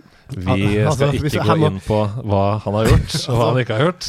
Altså, den må ses, Den må og så ses. kommer kan garantere at du vil gjøre research på den etterpå. Om du er gaminginteressert eller ikke. Det der er gamingdokumentaren Citizen Kane. Takk for en nydelig Fire store-liste. Vi skal videre til et litt utvidet segment denne gangen her.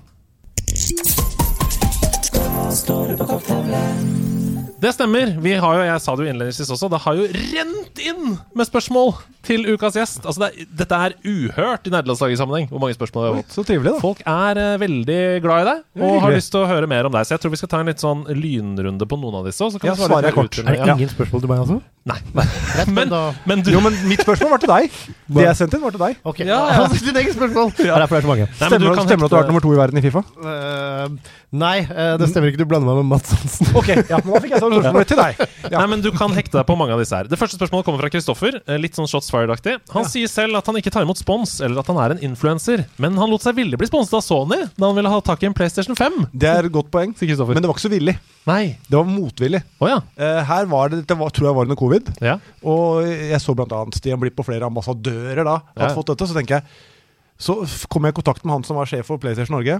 Kan jeg kjøpe en av deg? Jeg vil ikke ha gratis, jeg vil kjøpe. Å ja.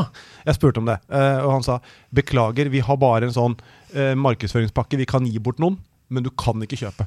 Kan jeg ikke, Vær snill, så slipper jeg merke som reklame. Mm. Nei, men du kan få den. Og da, okay, da, gjorde, da fant jeg at ok, da gjør jeg det, og da må jeg Da var din at jeg må legge ut Ja. eh, den. Og da gjorde jeg det, men så jeg, jeg, hat, jeg vil ikke tjene penger på Instagram, så da tok jeg uh, prisen den kosta, og så donerte jeg det til Barnekreftforeninga. Sånn at jeg har i hvert fall ikke tjent noe penger på det. Men jeg sneik i køen, så jeg fikk en fordel av det. Men Dette det er er meget prinsippfast. Det er, mer, det er mer prinsippfast, men det er jo klart PlayStation tjente jo mye mer enn Barnekreftforeningen på den eksponeringen. Ja, det kan du godt si. Så du kan jo ikke prøve å få et tall hvor mye. Vi tar et lite oppfølgingsspørsmål fra Ro Korstad her. Um, hvor mye PS fikk du egentlig da du fikk PS5 ved lansering? Uh, ikke så mye, fordi jeg, jeg, nettopp fordi jeg gjorde det jeg sa, da. Mm. Så syns jo folk det var fair. Eh, men det var noe som på, eh, helt da legitimt mente at det, ja, du tjente ikke penger på det, men du sneik jo i køen Mm. foran andre. Ja. Uh, og det er riktig. Så vil jeg si det at altså, man må liksom ikke Det er én ting. Altså Hippokrates var han ålreit fyr òg. Ja, men dere må, dere må, dere må skjønne, bra. altså må dere skjønne at eh, det er Eller dere må ikke skjønne noen ting. Eh, Dette er en eh, opplysning. Det er jo som du sier at dette er en bunke med PlayStation 5 som er holdt av som gis Ja, ut i markedsføring. sa. Nå sniker du foran oss i køen. Det gjør du ikke. Nei, det var det jeg sa. Den hadde gått til uh, uh, typen til Linni Meister. For eksempel. For, Ja. Ja. Ok, Og Ola, han gir ikke ei krone til barnegrupper! Ola Han tar Han er ikke her til å forsvare seg selv. Ok, Esel stiller spørsmål her. Hola, Kjøttfjes, skriver hun til oss. Som Hei, hei. kongen av sosiale medier-moral og influencer Correx, Mm. hvor legger du lista for samme Tante Sofie-fokus for populære gamingprofiler, med f.eks. tanke på toxic oppførsel? Dette er meint i positiv forstand, om det kunne misforstås. Du har åpenbart en fan her som er s- Ja. glad for det du Eh, Jeg skjønte ikke helt spørsmålet. Nei, altså det fins jo populære gamingprofiler som, eh, som er toxic online. Altså som sier 'go fuck yourself'. Bro. sånn, ja. ja. Ville du slått lite, like hardt ned på det dersom du hadde vært inni det? Ja, Hvis jeg hadde vært inne i det miljøet, så ville jeg kanskje gjort det, da. Okay. Uh, men uh, ja. Men det, jeg, ja. Vurderer du nå som liksom alle Du har på en måte fått alle influensere på matta nå. Vurderer du å bytte beite? Ja, ja er, det, er det noen som trenger litt korreks her? Ja, det er det definitivt. ja, ja. Vi trenger deg, Mats, Jo, men- inn i det miljøet. Jo, men Jeg vil gjerne, jeg synes det er gøy å korrigere noen, ikke for å gjøre det, men hvis man kan gjøre det på en morsom måte. Hvis det Ja. er noen som er teite, som man kan gjøre, lage litt humor ut av. Bra. Ta gjerne noen forslag. Send meg gjerne noen videoer så er det noe gøy man kan lage. For all del. Å, her har vi en mulighet, Altså, folkens! Altså, Vi har, vi har jo pusha mye for å Ja. unngå toxic. Det er mye sexisme, mye dritt, mye rasisme, mye faenskap. Ja. Altså her, altså, altså nå Vi hadde, vi hadde en hel Og gjerne norske, da. Ja, ja, Vi hadde en hel stream som het 10 timer toxic, der vi prøvde å lokke fram denne toxic oppførselen på nett. Bare Ja. for å eksponere den. Ja. Det var ikke noe vanskelig. For å si det sånn, å lokke fram den oppførselen. Skumler de munnvikene på vaktbikkja nå? Ah, ok, Mitt spørsmål til Mats. Vi elsker forræder, sier Oi, folk her. Kan dere være så snill å endre reglene? kan dere endre reglene i neste sesong, slik at forræderne får det sølvet som gruppa ikke vinner? Altså at det blir en egen premie til forræderne, og at de tjener på at gruppa ikke klarer å gjennomføre oppdragene. Vil de da kanskje selv velge å forsøke å sabotere, sier familien Evans. Eh, jeg, eh, litt sånn eh, inside info her Da jeg ble spurt om jeg ville lede Forræder, så fikk jeg se den nederlandske versjonen. Ja. Og da sa jeg dette syns jeg ikke var noe bra, fordi det fungerer ikke som spill. Og jeg sa hva med at de spiller om en premiepott? Hvis de ikke klarer det, så går potten til forræderne, akkurat som ble foreslått her. Ja. Og det mente mange var en god idé, men det er et formateier i Nederland som må godkjenne det. Eh, og også er det også noe greier med at det Muldvarpen, eller The Mole, som går, ligger på Netflix, Ja. det går fortsatt. Jeg tror de var for redd for at det skulle gå for nære det. Ja. Men jeg er helt enig i at det hadde gjort det, etter min mening, enda mer spennende. Du hadde kanskje, men kanskje hadde det blitt for håndfast, at det ikke hadde blitt samme paranoiaen. Ja. ja. for, for det funker jo bra nå. Men jeg er helt enig som spill. Som, hvis jeg skulle spilt det, så hadde det vært mye bedre. Ja. Veldig veldig bra svar. Og her har vi innsideinformasjon. Vi må bare kjøre på, for det er så mange gode spørsmål. Mats Hansen sa i et intervju nå à la linje at han ikke gledet seg voldsomt over ting generelt. Mm, ja. Eh, er det et spill eller en sjanger av spill som du skulle ønske at du likte? spør Magnus. Uh, jeg kan jo si altså, aller først altså, Fotballmanager altså, når jeg, snakker om, jeg har en ganske lav indre jubel, sånn personlighetsmessig. Ja. Jeg føler sjelden lykkefølelse. Eh, voldsomt som du har dratt på deg. har, jeg har ni lamper som Ja, nå det han sitter i lyset. Ja. Uh, men jeg husker fotballmanager. Det fikk virkelig fram liksom, adrenalinet når du tar ledelsen på over til Champions League-finaler. ja. Så jeg vil si altså, Det var jo ikke svar på spørsmålet, Mm. men uh, uh, kanskje det. Ja, At du skulle ønske at du ble enda Ja, mer jeg, for har ikke spilt det på lenge. At jeg kan hente frem det igjen. Men jeg har ikke tid til det, føler jeg. Når 125 000 reiser seg på stadion Hva var det 100, 160 i Ågotnes uh, eh, idrettspark. da, Men vet du hva, da står hånda på ryggen, da. Men tenk deg uh, VIP-losjen til Mohammed Moa. Den, altså, har, den har han også bygd ut. Ja. 2BB1 spør Vi vil ha Forræder vanlig folk edition. Da kan det bli drama og skittent spill. Er det pitcha? Eh, ja, og jeg har gått virkelig i bresjen for det. Uh, internt. Altså, jeg er helt enig. Jeg mener det er på høy tid. Uh, I USA og England, der er det med vanlige folk. Eh, jeg tror de er villige til å være enda mer kyniske, gå enda mer over lik. Eh, og jeg, det er jo TV 2 som bestemmer, og jeg håper Kanskje noen av TV 2 hører på dette, kanskje ikke. Men jeg er helt enig. Håper det kommer snart. Jakob Fleischer, hvilke spillkarakterer hadde vært de beste deltakerne på Forræder? Og ikke lov å le på hytta? Oi, Mens her, du tenker, så her må dere hjelpe meg, da. Ja, jeg tenker umiddelbart på Valuigi. Valuigi, I'm gonna give you Ja, altså I Forræder så må Mohammed Mo med, i hvert fall. Det er Det er jeg helt enig i. Ja. Egentlig ikke lov å le på hytta, faktisk. Han er ikke noen lystig type. Hva med, Hvem er det som er sånn som aldri ler, da? Hva med Fins det noe Ole Brumm-spill? Er Tussi? Er han Men vi vil gjerne ha folk som ler, egentlig. Det er de som lager Å, ja. best TV. Hvis Ja. det er noen som har bra latter. Eh, The Joker i Bat noen Batman-spill. Oh, Kanskje ja, på Ikke lov å ikke sant? Fra Arkham-spillene der, Ja. Mm. ja, det er godt. Uh, forræder. Han kan også være med Forræder, han. Ja, det er bra. V. Brestad spør Har du latt deg inspirere av spill generelt under skapelsen av Forræder. Har du noen eksempler i så fall? Eh, nå har jo ikke jeg skapt det, Nei. men det er jo veldig Among us-stil. Og Ja. det jeg tror han som uh, pitcha det, som eier det i Nederland, han tror jeg forsøkte å pitche det i ti år. Ja. Og så tippa plutselig under korona Jeg tipper Among us var en grunn til at han endelig fikk Endelig Det ble populært. Da ville TV-kanalen ta det her. Wow. Så jeg tror det um, Det er så gøy. Du bare popper så mange sånne teorier som folk har. Nå, det heter en forræder iblant oss fordi det er Among us. eh, ja. eh, en Men det, det among tror jeg kanskje det, altså, Jeg tipper iblant oss var nok kanskje valgt for å spille på Among us. Ja. Det tror jeg nok. Vi hopper videre til neste spørsmål fra Jon Are. Hvem er den beste i Among us som du har spilt mot eller med? Eventuelt best til å ljuge, da. Spør. Litt gøy. I går så jeg tilfeldigvis en video med Dennis Vareide hvor han da rangerte uh, beste Among us-spiller i Norge som han har spilt med. Uh, og det er utrolig ufortjent, men der kom jeg øverst. Eh, det er ikke fortjent, bare så sagt. Eh, han har et veldig magert utvalg. Eh, jeg syns Dennis er bra. Eh, Randulla har jeg spilt en del med. Mhm. Eh, så de to husker jeg som ganske skarpe. Mm. Eh, så er det garantert mange som sikkert er bedre, men jeg har spilt mye med den gjengen der. Eh, Fantastisk. Ja. Jeg sier Dennis Vareide. Ja, for du snakka ikke så mye om Among us underveis, men det er et spill du er veldig glad i. Ja, det er ordentlig gøy. Det er også spilt Det var ganske gøy å spille live under, på Farmen-innspilling. Når Ja. vi da eh, Crew der, da satt vi med hver vår mobil. Oh, som, ja. Satt liksom da i sofaen og spilte. For da, var, men så, da tok vi praten ikke på Discord, men over stuebordet. Ja, fantastisk. Det var ganske gøy. Veldig, veldig gøy.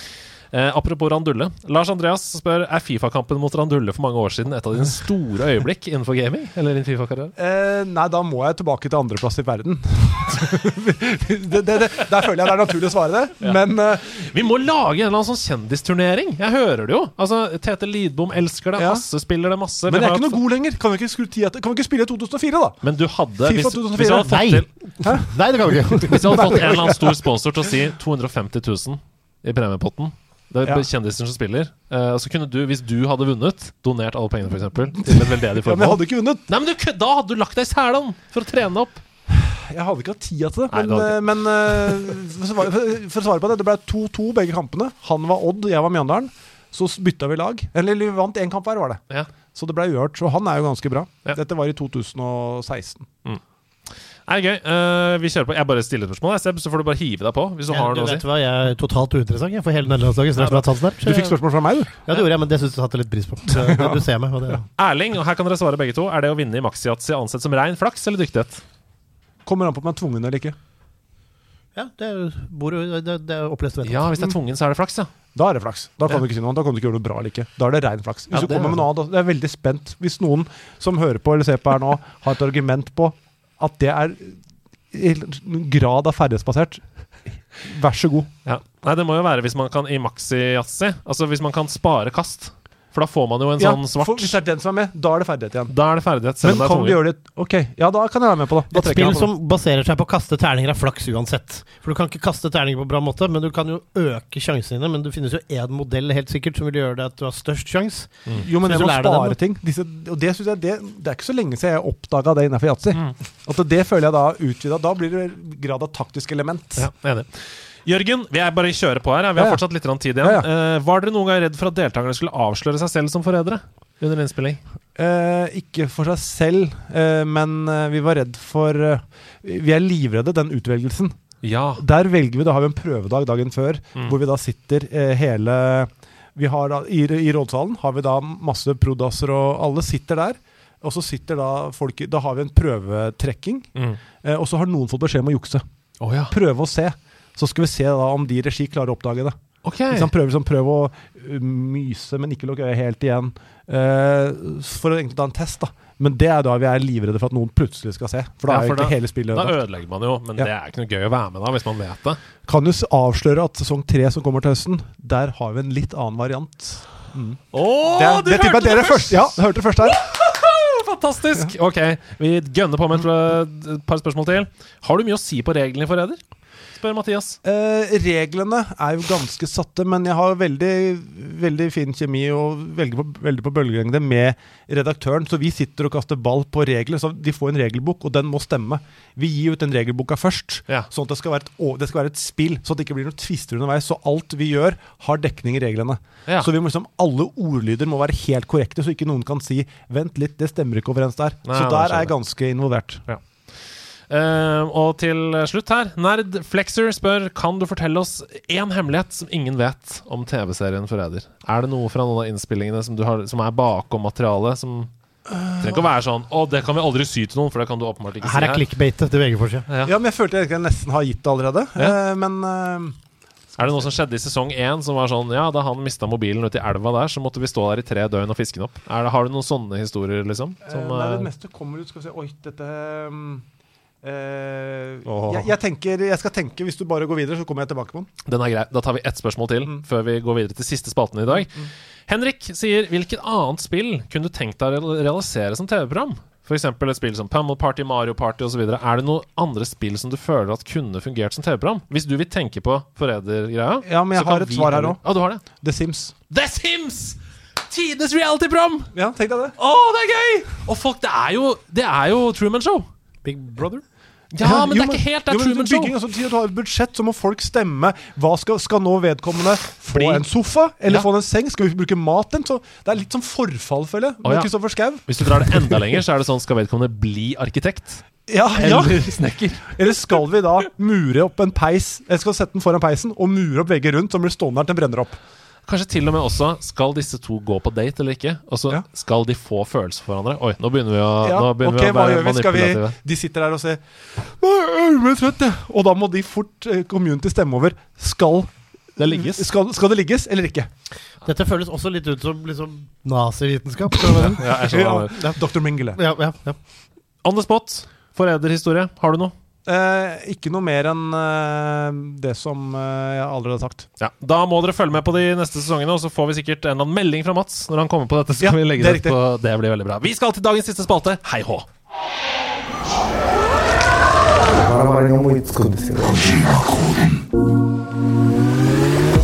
Ja, vi er nede i Tokyos underverden. Laserne lyser rundt oss, og nå kommer det rareste for alle gjester som ikke har hørt om dette før.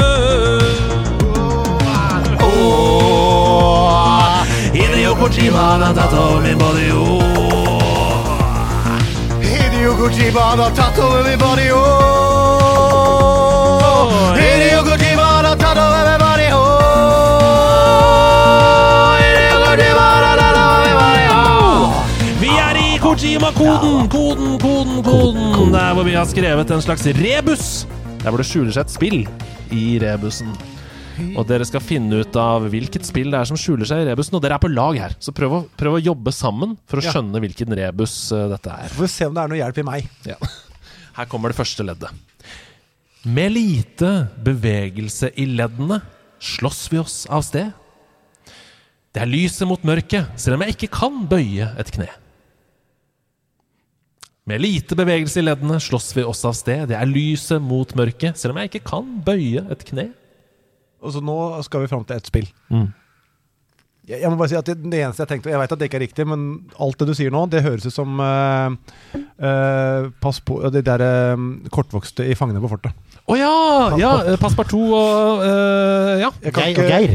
ja. Og Geir, ja. Nei, dette er jo spillkarakterer med lite bevegelse i leddene. Slåss vi oss av Det liksom føles ut Det som er lyset mot mørket, selv om jeg ikke kan bøye et kne. Ja, dette er noe sånn Jeg ser for meg bevegelsene til uten at jeg liksom Mm. Sånn Playmo-figur-bevegelsesaktig så og tenker sånn Mm. Ja, det er ikke sånn Vi skal ikke tilbake Nei, det er ikke sånn Lemmings eller uh... Ja, men det er lys mot mørket. Ja, for det er ikke Er det noe sånn Du kan ikke bøye et kne. Jeg trenger et svar her. Jeg har et ledd til som kan gi dere mer hint. Da får dere selvfølgelig bare ett poeng, da. Hvis dere bare klarer det da.